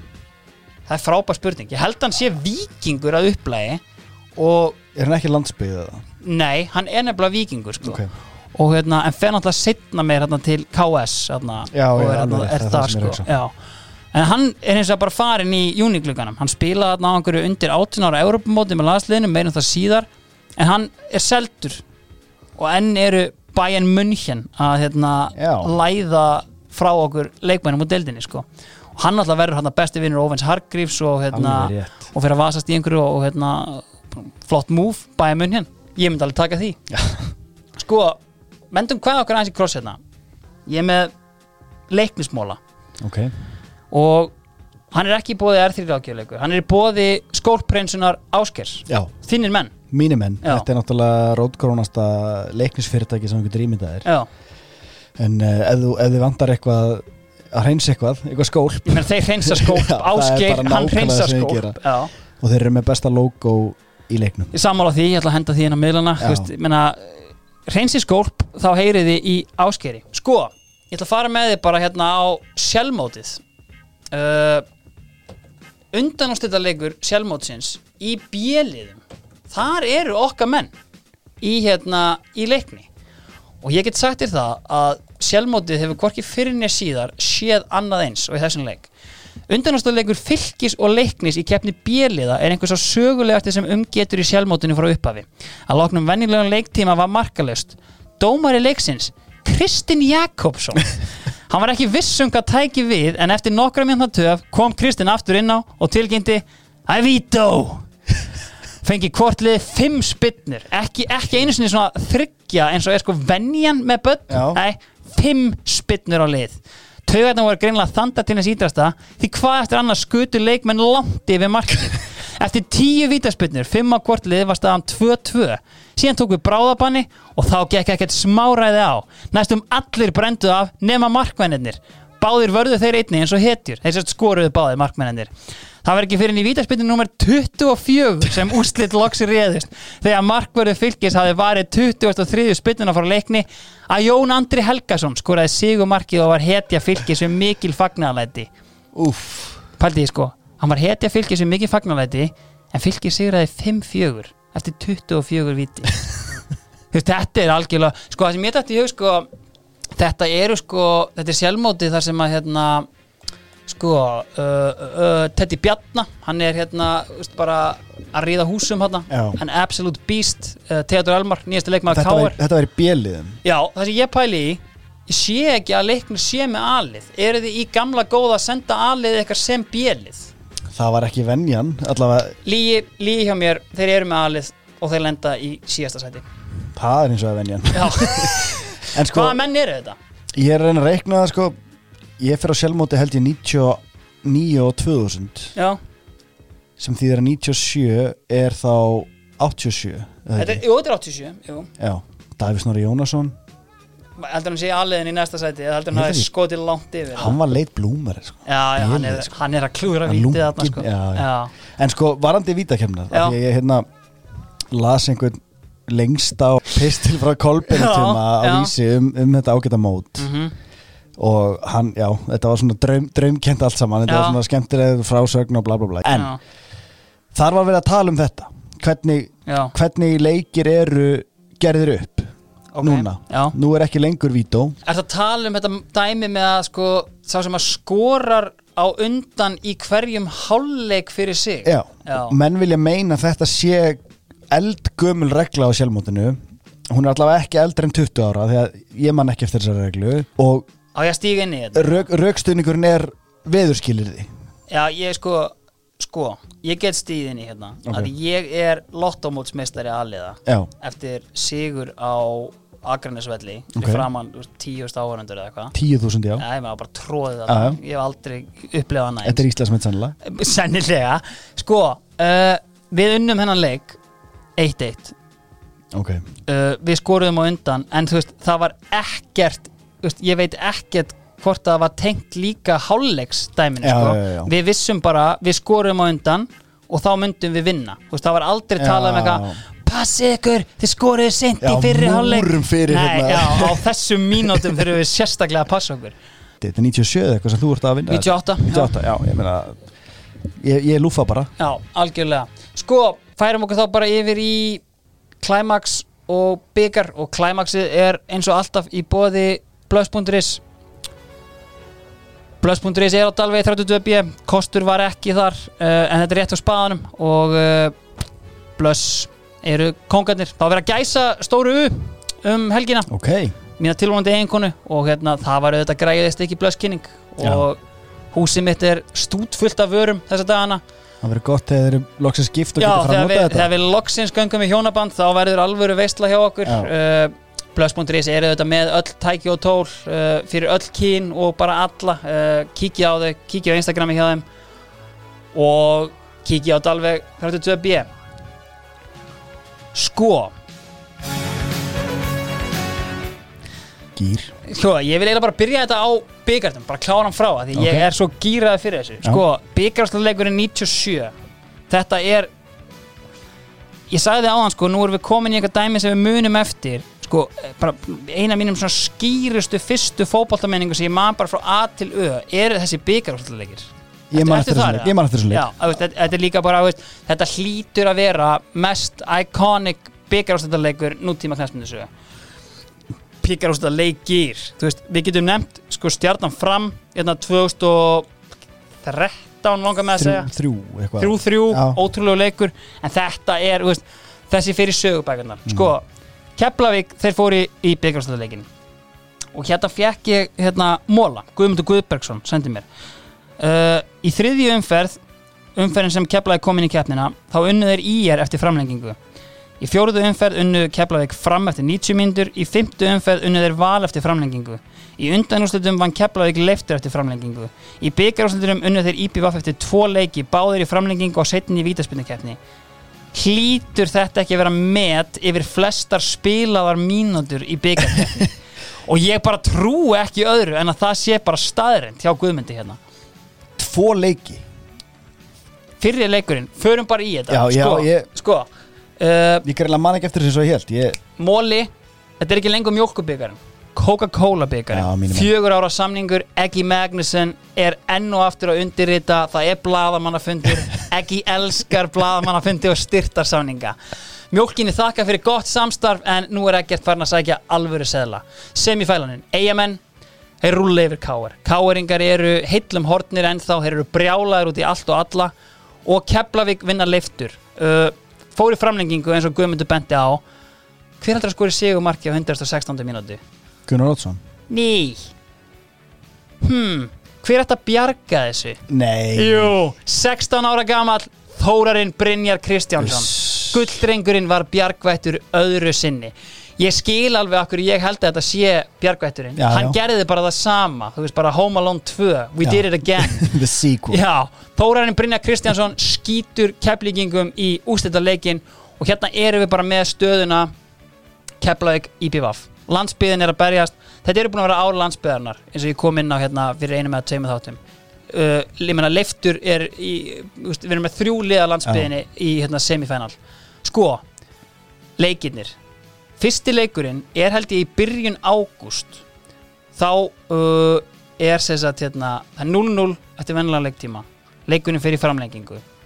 99. mínúta IPVAF skorar. King Leifur Geir Hafsteinsson. Leifur Geir hann bara eins og Hjalti Jó hann var bara hættur. Eða Hjalti Jó var ekki hættur en hann var búinn að vera að spila með framherjum. Já. Bara KFS og er tiltölu að nýkomin aftur inn í liðið og bara spila eins og kongur hvað gerir hann í byggjárstæknum? Jú, hann skorar.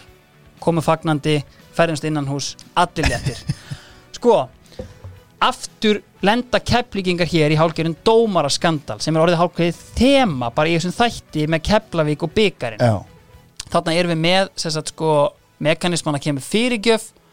Yngi sig alltaf er þetta þannig að það er vaðið út í blessaðan Óla Gott. Já, hvort að Óli Gott var Óli Gott er ekki í setni leiknum veit ekki hvort, en ég vona bara Óla Gott vegna að hann já. hafi ekki verið í markinu. Það er vaðið út í hann, yngi sig eitthvað svona stuggar við honum, boltinn dettu fyrir leif leifur skorar, við erum bara að senda myndbandið inn á miðlana að fá fólk til að dæma þetta. Keflavík bara flashback. Þetta. Já, er bara, bara að rinja úr höndunum á okkur, heimurinn er að rinja herriðu þú veist alveg hvað gerist. 120. mínúta. Boltinn liggur á marki eigamanna keflingingar reyna og reyna og reyna og staðan er þannig að það kemur fyrirgjöf. Bakvörðurinn, Gestur Gilvason er óvænt mættur að í tegin og hann á skot með vinstri sem fyrir gegnum klófið á hlýni stef. Hann fyrir gegnum klófið á Soran Milkovits og virðist vera að detta í hendurnar á Gunnari Sigursinni markmanni í BVF Gestur Gilvason sér boltan færi fangi á honum. Hann kasta sér í jörðina. God damn it lítur upp í stúku stúkan er að trillast. Hann skilur ekkert. Hann skilur hvorki upp nýja niður. Ha, býtu ha? Boltin er í netinu. The legend Gunnar undir sig hefur fæðst. Eitt skona svo, veist, sorglegasta en jafnframt svona, þú veist þetta er bara örugglega þekktasta viðurnefnið í íslenska boltanum. En sko þe- þetta er mómentið sem ég man úr þessu leik. Ástæðan fyrir ég segi ég sá hennan leik Er þetta móment og rúf og ég að horfa og, og þetta er eina sem ég man. Veist, þetta er þetta mark er, sko, veist, þetta er hann skóplar honum með vinstri hann fyrir gegnum þrjú klof á leiðinni sinni Og og, þar af sko líka í gegnum hendurnar Og hann eiginlega skoplar honum í klófið á veist, sér já, þetta er svo sjúkt er að sjá þetta og bara, veist, það sem að maður, líka bara pældi í því, sko, að því að, þannig erum við ekki með mekanism að beint í vító og, veist, bara, heru, ok, bara næsta moment Er það tilfellið? Ég, ég er búin að vera bara frá því þú segir leikir þá Já. er ég búin að vera bara eins og spurningum Nei, ekki nei. framann þetta er bara búið kallið minn og bara, bara jafntefli. að bara- að Næsti úrslitaleikur. já, já, annar er að replay já, Ok, það er það sem að gerist. Og hérna, þú veist, hérna ég bara er veist, ég vorki, sko það er svo, þeir eru hérna á bekknum þeir eru svo klárir í að fagna og svo gerist þetta. Bja, sko, svipurinn á Bjarnajó á myndbandinu er hann, veist, hann trúir þess ekki sko, sko uh, spólum bara fram í tíman uh, eigamenn mæta Stútgart þarna í mittiltíðinni og klára deildina spila þarna Európleiku Stútgart það sem er að landa þjóð til Sóma og hérna fara síðan í úslitaleikin hann er komin þarna bara sko, 10. oktober eða eitthvað. Það er skýta kuldi hann ennir engin að spila hann leik en þú veist, þetta er náttúrulega the cup, Já. magic of the cup. Já, herru, 0-0 eftir vennilega leiktíma aftur. Uh, framlenging notabene, móli ég vissi ekki á hann hvort að Óli Gott var í markin í fyrirleiknum hann er ekki í markin í setnileiknum þarna er komin kottnungu maður Bjarki Freyr Guðmundsson. Og annar dítill keflingingar aflituðu sig allir fyrir leikin ok. Þannig að þeir eru þarna allir með Ég pissugul þessu. Já, eru þarna, meiri segja sko plötuðu há aldeinan Gunnar Oddsson í að vera þarna með pissugult hár á vellinum. Og þetta er svona alvöru keflaðu lúk á þeim sko. Þetta er, þetta er ári áður en að Rúmeni að gera þetta HM Já. Þannig að það er stuldur í gangi ja, er það ekki? Gera númer þetta 94 eða?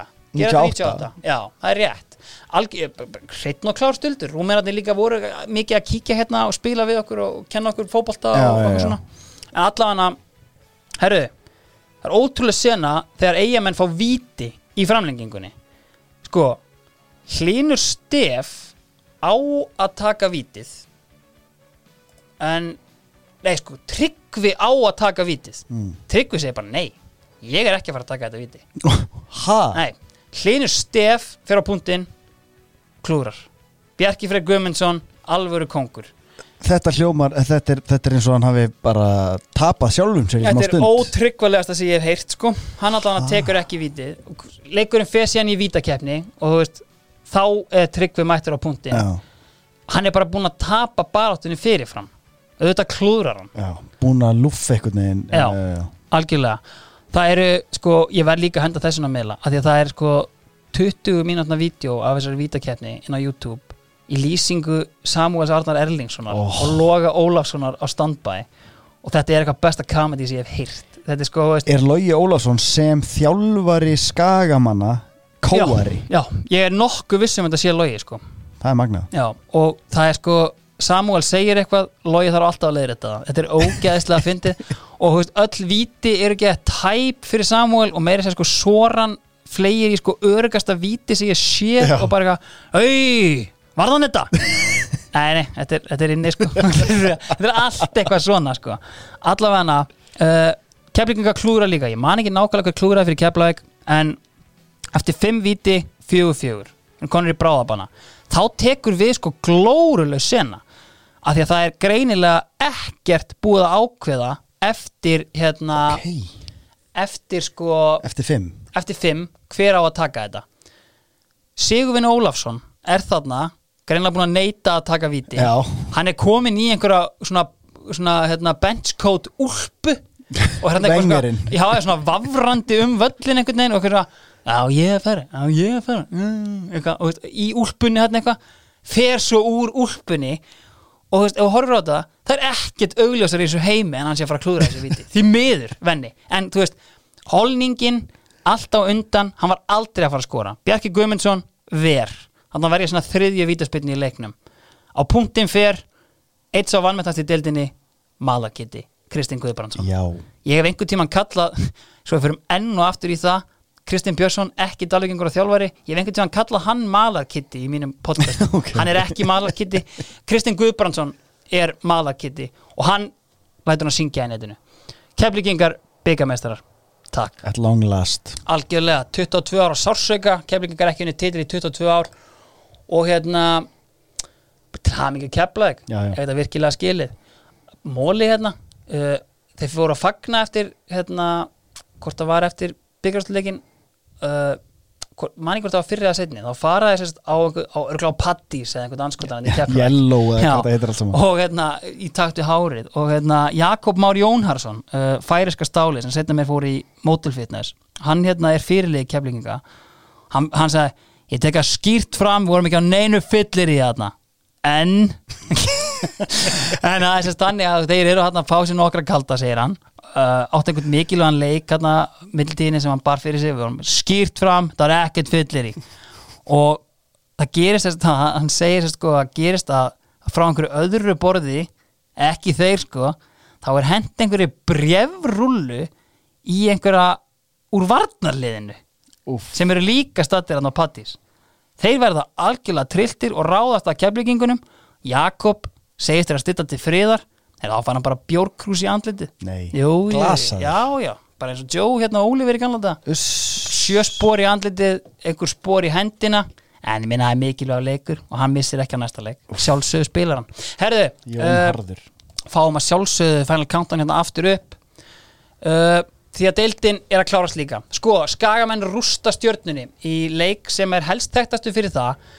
Þetta byrtist eins og skrattin og söðalegnum frá Siglufyrði, maður að nafni Ragnar Haugur Haugsson sko þetta er gæi, þetta er ég náttúrulega komin ballstýpin í íslenska boltan Já. ég sé bara þennan mann, þetta er maður sem skora mörg ég held þetta væri bara úst, þegar ég fór að skoða hann í dag, bara KSI úst, hann á bara eitthvað 2-3 tímabili eftir del, ég held þetta væri bara veist, svona létt, bara svona stengri með Jóhannesson típa af leikmanni, bara, en alls ekki. Hins vegar, hann er fenginn í júliglugganum eftir að hafa raðað inn með KS kemur inn á sem varamar á 70. mínúti í þessum leikmáti stjörnunni hann er búin að gera þrennu á 80. annari þetta er það er geggjaðu gæi sem heitir Haugur og hann er haugamaður sem er svona heldur, ef við tekið saman nokkar svona móla, bæði um víti og um þrennur mér minnir að hann hafi sagt að þetta sé sko svo þrenna sem hefur verið skoruð á hvað minnstum tíma Svona Robby Fowler með já, basically, sem að í dag á Mane rétt uh, þetta er held ég súþerna, þetta er 8 mínútur og mér minnir, hann, hann reyndar sko hann er með fullt af varnöglum að því að hann skoða þetta til sko 74 eða eitthvað og þar er bara, þú veist ef þú skoða tíman þá er markið skráð á 60. mínútu ef þú skoða DFF þá er það skráð á 63. það er ekkert Ég meina hérna- námunda á KFC.is. Já, bara gjössanlega sko En Þannig að- segðu mér, Ragnar Haugur Haugsson Hann er fengið hann upp á skaga til að leysa framherja vandræðin. Já. Bjarni fer, Arna kemur og fer Dragoten Ristits er sendur hann í skallagrím og hann sendur öfugur heim sko. Já, já, já, Já, hann, ok. hann kemur hann einn sko. Herðu, uh, káeringar þeir svona einhvern veginn halda áfram þeir eru vegferð að rústa val alltaf, Andri Sigþórs uh, hendur í þrennu hann á þeim tíma búin að var hann nýbúin að skora fimm í Borgarnesi og er komið með átta mörk í tveimur leikjum uh, á sama tíma tapa Keflavík fyrir Skallagrim og þarna eru við í þessu mómenti ennþá að þeir eru á þessu ótrúlega tablösa rönni einhvern veginn, móli sko fyrir hérna, að kemur hann eftir smá. Sko uh, Bíbasitt heldur áfram að skora. Ok. stjarnan getur ekkert Bíbasitt er í engu standi en hann skorar mörk. Já, það er bara sem hann lunginn. fyrsti útlendingurinn til að skora 50 mörk í efstu deild og það verður aldrei tekið á hann Ok, á þessum tímapunkti er deildin basically sko þrískipt svona fyrir lokadæmið, út með toppbaróttu í BF og IA þar fyrir neðan er baróttan um Evrópusætið og þar eru Keflavík, KR, Fram, Grindavík og Leiftur. Það er sko 22 stig og niður í 18 stig þessi 5 lið. Ok. Svo kemur botbaróttan og það sko skallarnir þeir vinna Keflavík eins og ég kom að inn á. Uh, það býr til einhverja smá baráttu. Nei, sagt, um sagt, falli og þá er sko skallarnir með nýju stig Já. valur með 12 valsmenn höfðu fengið hann inn hötta makk eins og ég kom inn á það laga markaskorun. Nei, gekk ekki. Konið með einhver sko 15 mörk eftir 15 leiki og bara ekkert að frétta þarna. En sko í 16. umferð er þetta eiginlega allt saman frá gengið. Nú, þá hérna tapa skallandi fyrir fram. Eigamenn vinna káar með segumarki frá teki nýju í frostaskjólinu og á sama tíma ég sagði hann ekki skora neinn mörk en rýtingur frá höndamag upp á skara okay. setur vinnerinn uh, og endanlega fellir skallana uh, og tryggir valsmönum svona sigur í deildinu hvort að Valur kláraði síðan restina sínu prógrami og lúkar ágætlega í dag en þú veist, þeir gáttu ekkert sko. Ok. en á þessum tímapunkti þá er sko staðan 37-31 skaga eigamenn líka með betra markilhutvall þannig þurftu bara að klára einn af sínu síðustu tveimur leikjum Já, já, já. hér kemur mólum liðið sem er vinna alltaf að tryggja sér titilinn er Keflavík. Í síðasta leiknum sko fyrir byggjárstaleikin þannig, eða, neða ekki síðasta leiknum en þetta er í 17. umferð. Og þar mæta þeir Keflavík rústa þeim. Ok. 5 eða 6-1 hvort það tryggvi skoraði þrennu eða eitthvað svo leiðis og hérna, þannig að þú veist komandi inn í einan byggjárstaleik þá er sko veist, allt momentum með eigamönnum, þeir eru orðnir Íslandsmeistarar. Já. þeir eru búin að vera þjóðinni til sóma þarna í einhverju tapamóti stútkart, mjög íslenskt og típist en þú veist, samt keflingingar með pissugula hárið sitt. Ekkert eðlilega flottir. Allan að þá er þetta bara to sum up. Besti og markaðasti leikmar Íslandsmótsins TG9 ég er ekki búin að koma inn á hann en hann hefur þetta kemur sér í 90 marka klubin Já. Þetta seasoni. uh, 1918 Já, 1918, heldur betur. Hann er duglegur að minna fólk á það. Andri Rúnar, hann er í klubnum alveg Já, já. En, en, en þú veist, alltaf áður en að stopp eða, veist, Ársfundurinn er settur. Andri, hvað hva spilaðu þú til marga leik? Það voru 22 og það ekki, já, ég var með 18 Já, En hvernig, hvernig er, svo við ríköpum bara þennan klúb Já, uh, Fyrsturinn í hann er, Pétur Pétursson, 78 annarinn í hann er Guðmundur Torfarsson, 86 Já, og svo núna, nei, Nei, Þóruð Guðjónsson, 93 já, Teki 9, fjóruði meðlumur já, 97 Og þetta er klúburinn næstu ára basically.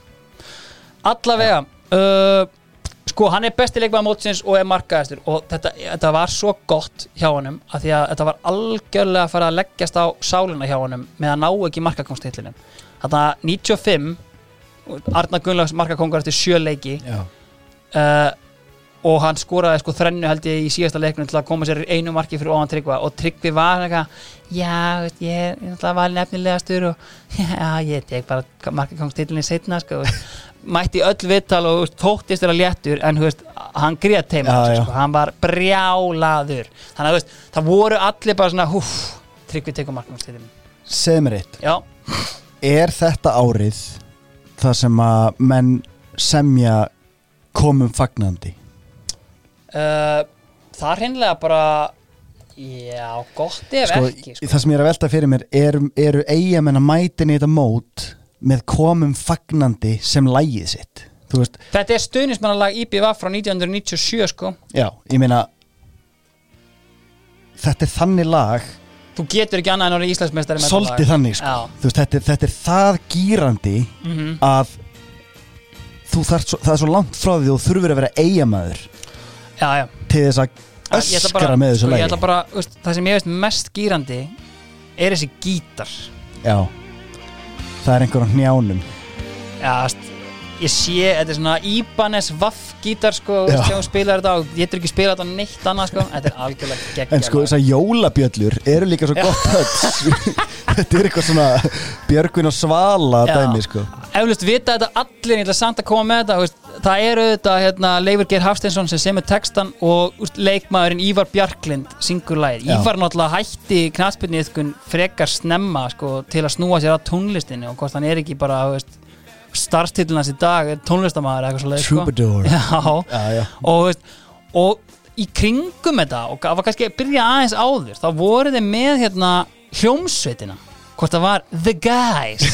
Það var sko Stengur með Jóhannesson á gítar sko Heimir Hallgríms á trommunum Hemmi var eitthvað þarna hann hefur verið hype man eins og hann hefur verið þeirra einar ágúst sko Hemmi er sko alltaf náttúrulega þú veist, þekktur hérna bara út í Porsmáð þegar alltaf hendi Elvis og eitthvað, mikill stemmingsmaður en, þú veist, þetta, þetta var einhver svona hljómsveit og hvort þeir mættu í sko dagsljósið eða eitthvað og hérna ég, ég mér, tróðu rámar í, sko. mér rámar í sko heimi Hallgríms og trommum þegar þú segir það já. sko alveg vel mjúkur Já, Svona bustatrommari já, með sko pissugula hárið en ekki búin að fara í aflitin og með svona, þú veist, þetta skipt í miðju Já, einhvern veginn, sko, að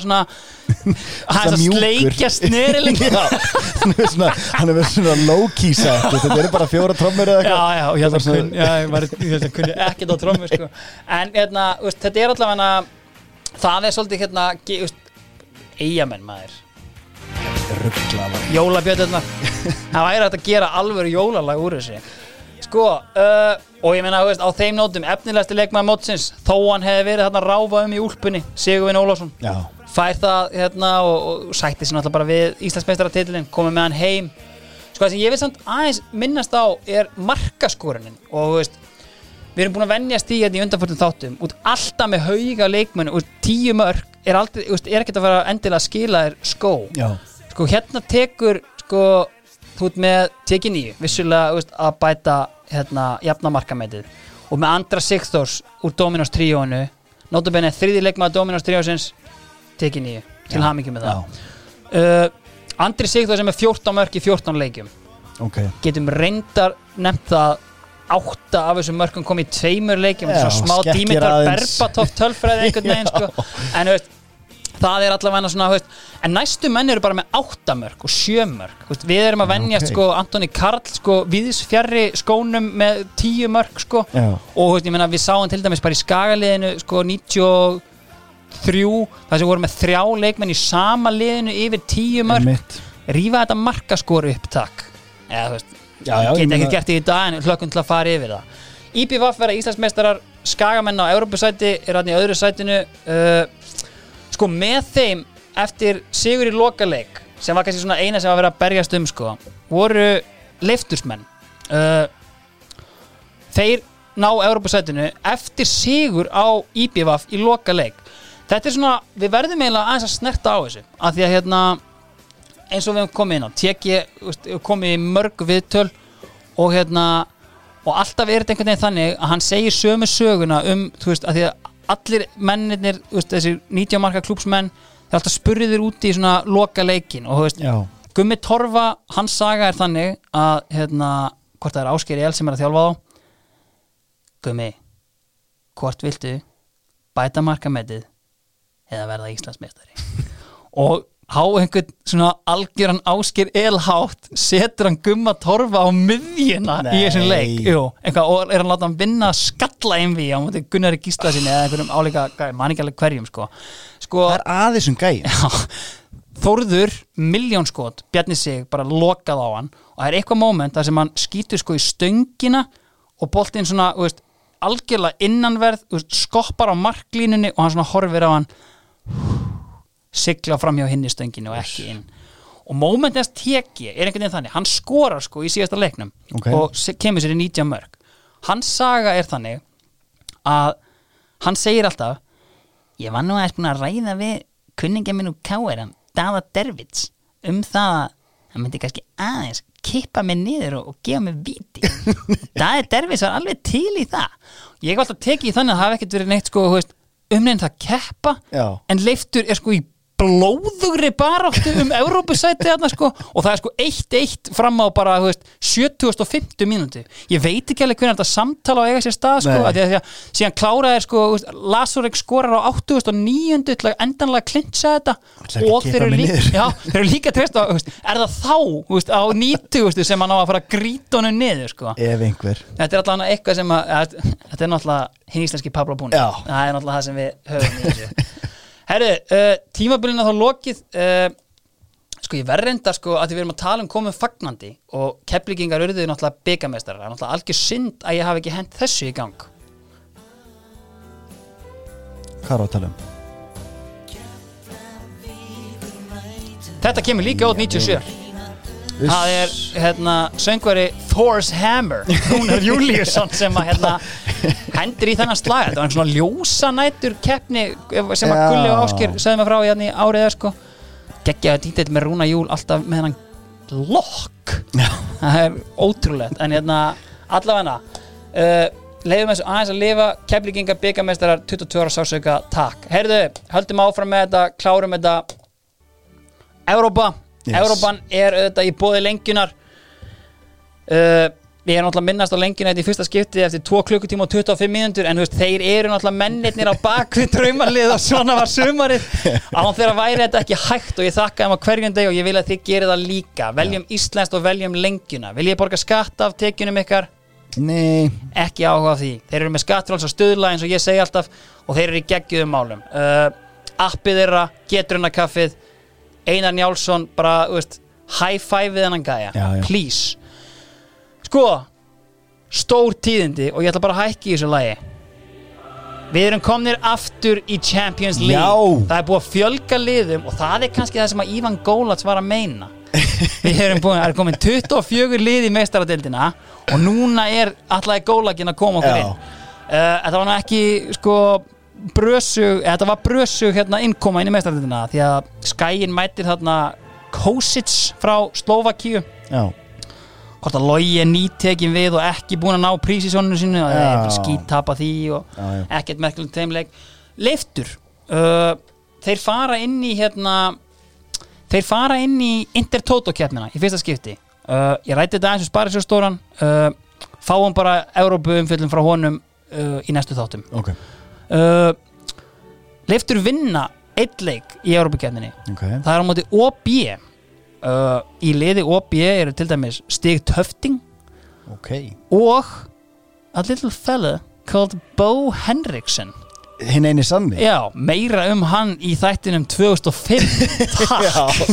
Takli þetta er allan að mestari sem komið það til landsins og hann er í dag sko er ekki virtur þjálfari Jú, í jú, Danmörku jú, jú Og ra- og með Rannes og Já, geggja hluti emmitt uh, Sko, Bó setur hann uh, Jafnar leikin í 2-2 á 70. og annari mínútu. Ól segir Ólafsfyrðingar fyrir framann smekk fullan Ódense stadion. Þeir setja bara tvö mörg sent í leiknum. Ganga frá þessu. Sigur á útivelli Þetta er alveg geggja Fyrsta, fyrsta Európa árið er að Já, já, og bara alvöru stemming. Allir þessir þúsund Ólafsfyrðingar hafa ekki fjölmennt hann til Danmerkur. Ég ætti nú alveg að treysta þeim fyrir því. Jú, Annars mæta er þarna Mæta síðan eins og hann kom inn á Hamburger Sportværen já. Þeir koma hérna á Ólafsfjörð mæta á Ólafsfjörðar völl blessaður, þetta er hérna stúkan okkar, það er fjallslíðin hérna, og mikið debat um hvort þeir mættu yfir hefur spilað þarna. Þetta er sko eitt fallegasti grasvöldu landsins. það er upphitað. Það er bara blikar sem eiga svona veist, þannig að hérna, alvöru stemming og veist, leiftur náttúrulega bara veist, þvílík saga. En þarna hafa þær væntalega mátt nota alla hryggsúluna. Já, þeir máttu það, Já, já, það er já. rétt hjá þér. Og sko, en hérna uh, þeir máttu það og hérna en það sem að gerðist líka, og ég myndist náttúrulega ekki á að hérna, að hérna Karta Klía fór uh, á einhverjum tímapunkti og leisti þetta vandamál bara. Hvernig það? Já, já, hann bara hann bara fór í, hann fór í einhverja platunum mennsku í Raufoss. Veistu hver var í Raufoss? Páll Eisteinn Guðmundsson. Pældi, leiftur er að gera þetta allt án Pál Guðmundssonar hinn íslenski Jæja Túri Sköllótti skjálfurinn og Sköllótti Söðurlands skjálta skjálfurinn og Gunnar Oddsson. E, minna, veist, þeir missa, veist, vissulega hrúiður inn en þeir að missa Yfirferðina. algjöra yfirferð í þessum tveimur mönnum. Það er bara velgert leiftur að bara halda sama árangri. Uh, ég var búinn að fara yfir hérna IPF Stuttgart uh, Hver er í stútkart þarna? Krasimir Balakov, Já, hann er í Stuttgart uh, og coach Jóki Löf sniffandi þarna punktum á sér og er Bópits þarna? Mér rámar í langar- þessa leikinu sko. Já, ég, hérna, ég var að ljúga ef ég segðist mun eftir sko um, en hérna, sko hann er nýfarin frá Stuttgart fyrir metfíða Giovanni Elber Ú. uh, hann kom ekki hérna, hann hefur kannski ræðum hann ekki, ekki meira Ekkert sérstaklega Nei, herði uh, Káeringar Já, með allt á hotnum sér Já. þeir ná samt sko að vinna Dynamo Búkarest sem eru rísa stór úrslit Já. og sko bara sannfærandi. Heimaleikurinn 2-0 valsmaðurinn Einsi Dan og. Rikki Dada bara þægileg fórust í útileikin herru, þurfu ekki að verja neitt. Þeir bara komast í 2-0 í fyrir hálfleik og bara enda sigurinn 2-1 og bara 4-1 sigur á hérna, Dynamo Búkarest þeir hafa verið hérna til þess að stela hárdótinu þeir hafa fengið þetta 100%. þannig, já já, það er alveg klart Er ekki eitthvað landslismæður hérna í þessu búkarastliði? Kosmin kontra, jú. Eh, Já, já, það er 100% Við erum búin að stólis rekja þetta, við erum búin að leysa þetta sakamál. Algjörlega. Sko í næstu umferð þá fá þeir Ófi Kret uh, Mína menn. Uh, Fyrirleikurinn 0-0 heima. Og bara, þú veist, fyrir mér eru það geggi úslit Já, já, gildir út- tvöfald í næsta Já. Eiga hérna útileikin Það er bara 1-1 í hálfleik. Ófi komast yfir 1-0 Snemma leiks. Ok, uh, Hilmar Björnsson Jafnar íslenski Beckham. Já, bara fjórum myndum fyrir leikli Það er 1-1 Og sko, samkvæmt miðlum Sögur segja mér Það er 1-1 Þú ert á leiðinni áfram Það logar allt inn í klefanum. Hvað? Stemmingin er bara slík að þeir eru bara brjálaðir út í allt og alla. Er Haraldur Haraldsson eitthvað Ég veit ekki alveg hvað Nudda menn á mekanism röngum hann var að stöðum. hérna, gera þetta en þú veist, enda á því miður að tapa þessu leik 3-1 og, hérna, og dett út en þú veist, bara veist, sorgarsaga bara káir á þessu sísoni. Herru, og bara að lokum á en við drepum ykkur, þá er að landslið uh, Við erum hér landslið, þeir eru í bóði Mart Smátt. Uh, Mart Smátt elskar landslið og þeir elskar bumbuboltan eða vantar treyjur, þá getur við fengið geggjaðan díl hjá þeim. Eru auðvitað með Kelmebrandið sem er það elsta og virtasta í bumbuboltanum engar hópa, það er ekki ákveðið magn, við getum bara verið með sjömanna lið bara og fyllt það og bara geggjaða Já, díl bara mættu þetta upp yfir að græði. Við vinnum engöngum með svona fyrirtækjum sko, sínstúkan, við verðum eiginlega að taka þetta því að Já. sínstúkan kemur hana og sko, fyrir mér verður þessi stúka alltaf nýja stúkan. En sama hvað menn gera hvað Já. VIP herbyggi er setja upp í gömlu stúkuna þetta er alltaf nýja stúkan ég, ég, Þetta ruggla mig allt og mikið sko ég, Svo fara menn alltaf að tala um eitthvað austan megin og eitthvað svona nei, dót. Ég kann þetta- það, er ekki og ég skemma aldrei þetta, læra sko. ég mun að fara í uh, mentaskóla, háskóla ég mun aldrei læra Nei. norður, östu, suðu, vestu Þa, Það sem að reddar manni er sínarstúkan Já, já. það, það er að skýrasta sem hægt er að segja í þessu Rétt, og meiri sér að sín komið aftur þeir ættu bara að kaupa þetta og setja nýja brandi setja hann í Já. stúkuna, algjörlega. Sko Gauði Þórðar tekur við liðinu af Loga Ólafs. Uh, hann er þetta búin að þurka sig upp Já. komin í góðan gýr og veist, ekki Magnusson telur bara hérna, enga áhættu með þessu. Gauði er bara komin í stand og hérna og hann fær síðustu tvo leikina að þrjá í undankeppninni. Uh, það verður þarna þetta uppsett með hérna Guðna Bergs Já. Þarna er leikur á móti rúmenum. Ég heldur að setja upp aðra sýningu bara núna í Búkarest sko. Uh, Haki bara algjörlega leika sér að okkur. Og hérna Guðni Bergs einhvern veginn samþykir ekki einhverja ferðatilhaugun er einhver orðrámur um að þetta hafi verið eitthvað aðeins meira? Guði hafi kannski aðeins nuttan á raungum stöðum. Já. Guðni ekki alveg verið til í það að leikja eftir leikmaður landsliðsins. Og þú veist, allavega Guðni Bergs basically kveður landsliðið þarna og leikur þarna sín síðasta leik og kemur síðan setna meira aftur inn náttúrulega eldgamall og hættur að spila nánast Já. en hérna leiðilegt mál og Guðni ætti náttúrulega landsleiki með 100% ef hann hefði tekið allan fyrirlin en hjá mér í draumaleginu sagðan hefði ég náða að spila til 38 ára ef ég hefði Já, varst náð að þessu. og Já. þannig að hérna góð pæling sko, það sem að kannski En var ekki sko, það var Gauð Þórðar var búin að vera heldur digubarkalegur alltaf út í KSI þetta var alveg og... smá að því að þegar logi er ráðinn þá var Gauji brjálaður. Já. og hann algjörlega sko urðaði yfir þá og talaði um að þeir hötuðu sig og hann ætti fjandmenn í hverju hotni Já, já, og já. menn var ekki að vinna sína vinnu og eitthvað svona. Og hérna Stíga fram. Algjörlega, en sko mér varst geggjað að eiginlega bara fyrsta spurningin sem Gauji Þórðar fær þegar hann tekur við landsliðinu allar að setja tengilið í bakvörðin Nei. Jú, jú, Já, það höfum það alveg á hreinu að það er engir, uh, ef að menn er að spila tengilið með sínum félagsliðum þá verða þeir ekki settir í bakgrunn það er bara algjörlega dreigið Fyrsta mál. það Já, bara það er af og frá. Uh, kannski líka við verðum að nennast á það sko að fyrsti landsleikurinn sem ég fyrir á er þetta ár það er kveðjuleikur Arnórs Guðjónsson. Og það var alveg smá debatt af því að Arnór er ennþá, hann er ennþá að geitast í Svíþjóð. Er bara, það er búið að sæman þarna einhverju sko æðstu svona, einhverju svona stór rittara kross allsvenskunar eða eitthvað, bara Ok. fyrir hans framlag bara Til eitthvað knaspinu já, já, hann er bara ennþá besti Íslendingurinn en Gauji bara svona fasar hann út bara, við erum að fara nýja leiðir annarkvort ferði í bakvörðin eða nei, þú veist, það- þú veist bara einhvern Svíper hann aftur. já, þannig að hann einhvern veginn bara segir bara youth og veist, bara takk fyrir okkur, bara verður til taks og Arnór er rauninni bara þú veist, bara eins og Arnór er hann er bara klikka léttur með allt einhvern veginn og hann bara, þú veist, einhvern veginn bara svona, já, já, þá er það bara þannig.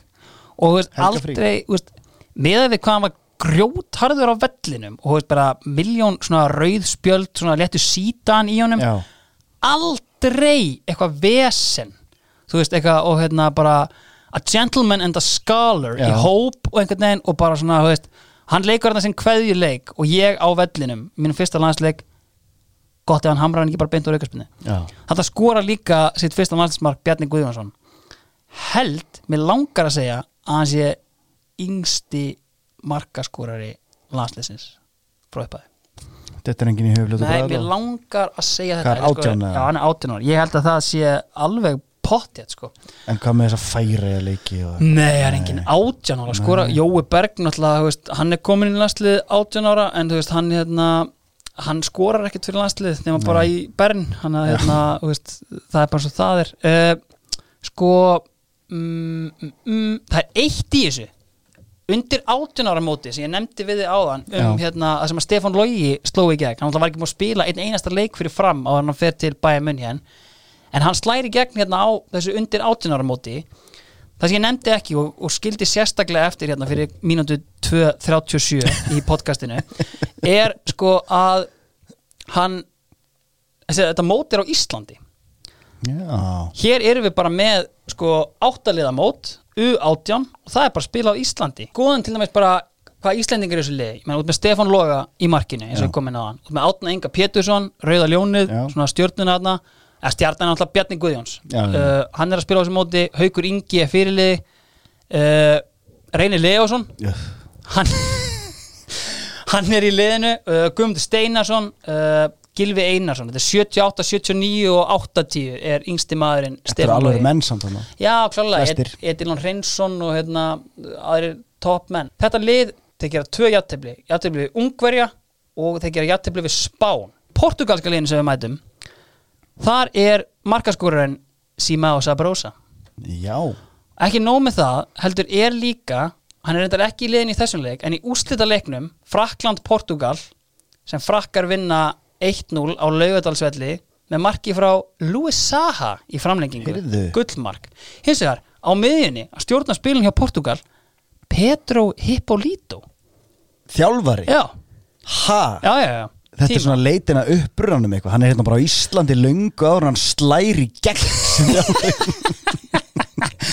en hann þetta hefur sennilega haft góða minningar hérna og þess að komið aftur. Já. herru, lægið uh, Já, þetta er bara mjög einfalt. Já, við Við ætlum að fróa sálinni veit maður að fróa sálinni, við erum Já. komnir í sveitaballavisluna Það er bara sóldögg Það gleymit, ég vil samt alveg koma með einn múla hérna Ok. Beggi Soldögg, Já. hann er einn af OG's röppurum á Íslandi, vissur það? Já. Hann var náttúrulega í Subterranean Var það ekki? Nei, hann var í hérna Var hann ekki Subterranean? The Commitments, nei Mér langar að segja hann hafi verið Subterranean. Já, það gæti verið. Ég það, það er Gnúsi Jóns og, og Sel 7 Cell 7, já, mér minnir að Beggi- Ég, ég, ég, held að Beggi hafi verið þetta Endilega heyrið okkur með Hann er leiðréttingu alltaf þarna. breiðoltinu, var í FB allavega. Ah, ok. Tjóðlega ég 100% sett Bergsvein Arlísson á að vera frá Selfossi eða eitthvað. Já, þeir eru nefnilega ekki Suðurlandsband En þeir, þeir haga sér eins og Suðurlandsband. Og marga sögur til held ég af, af Bergsveini Hvernig hann haga sér á, á túr. Já, en þetta er allavega sko sko Soldök er eitt allra vannmettnasta hérna þetta band af hérna öllum. Herðu, fróum sálinni finnum innri frið. Orri, eru ekki góði bara? Geggjaðir. Sáumst í næstu viku. Flækist á milli staða og spái í spá Spekingar og umræða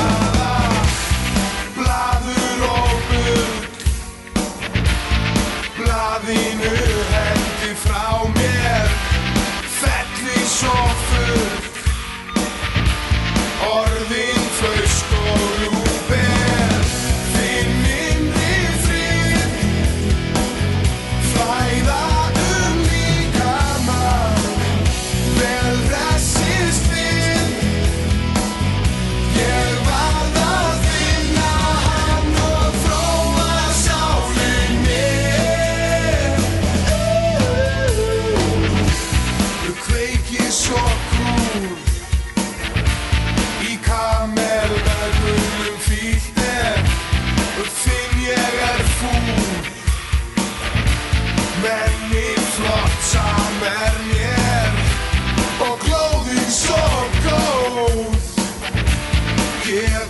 svo mikið af sér líkt og gott ljó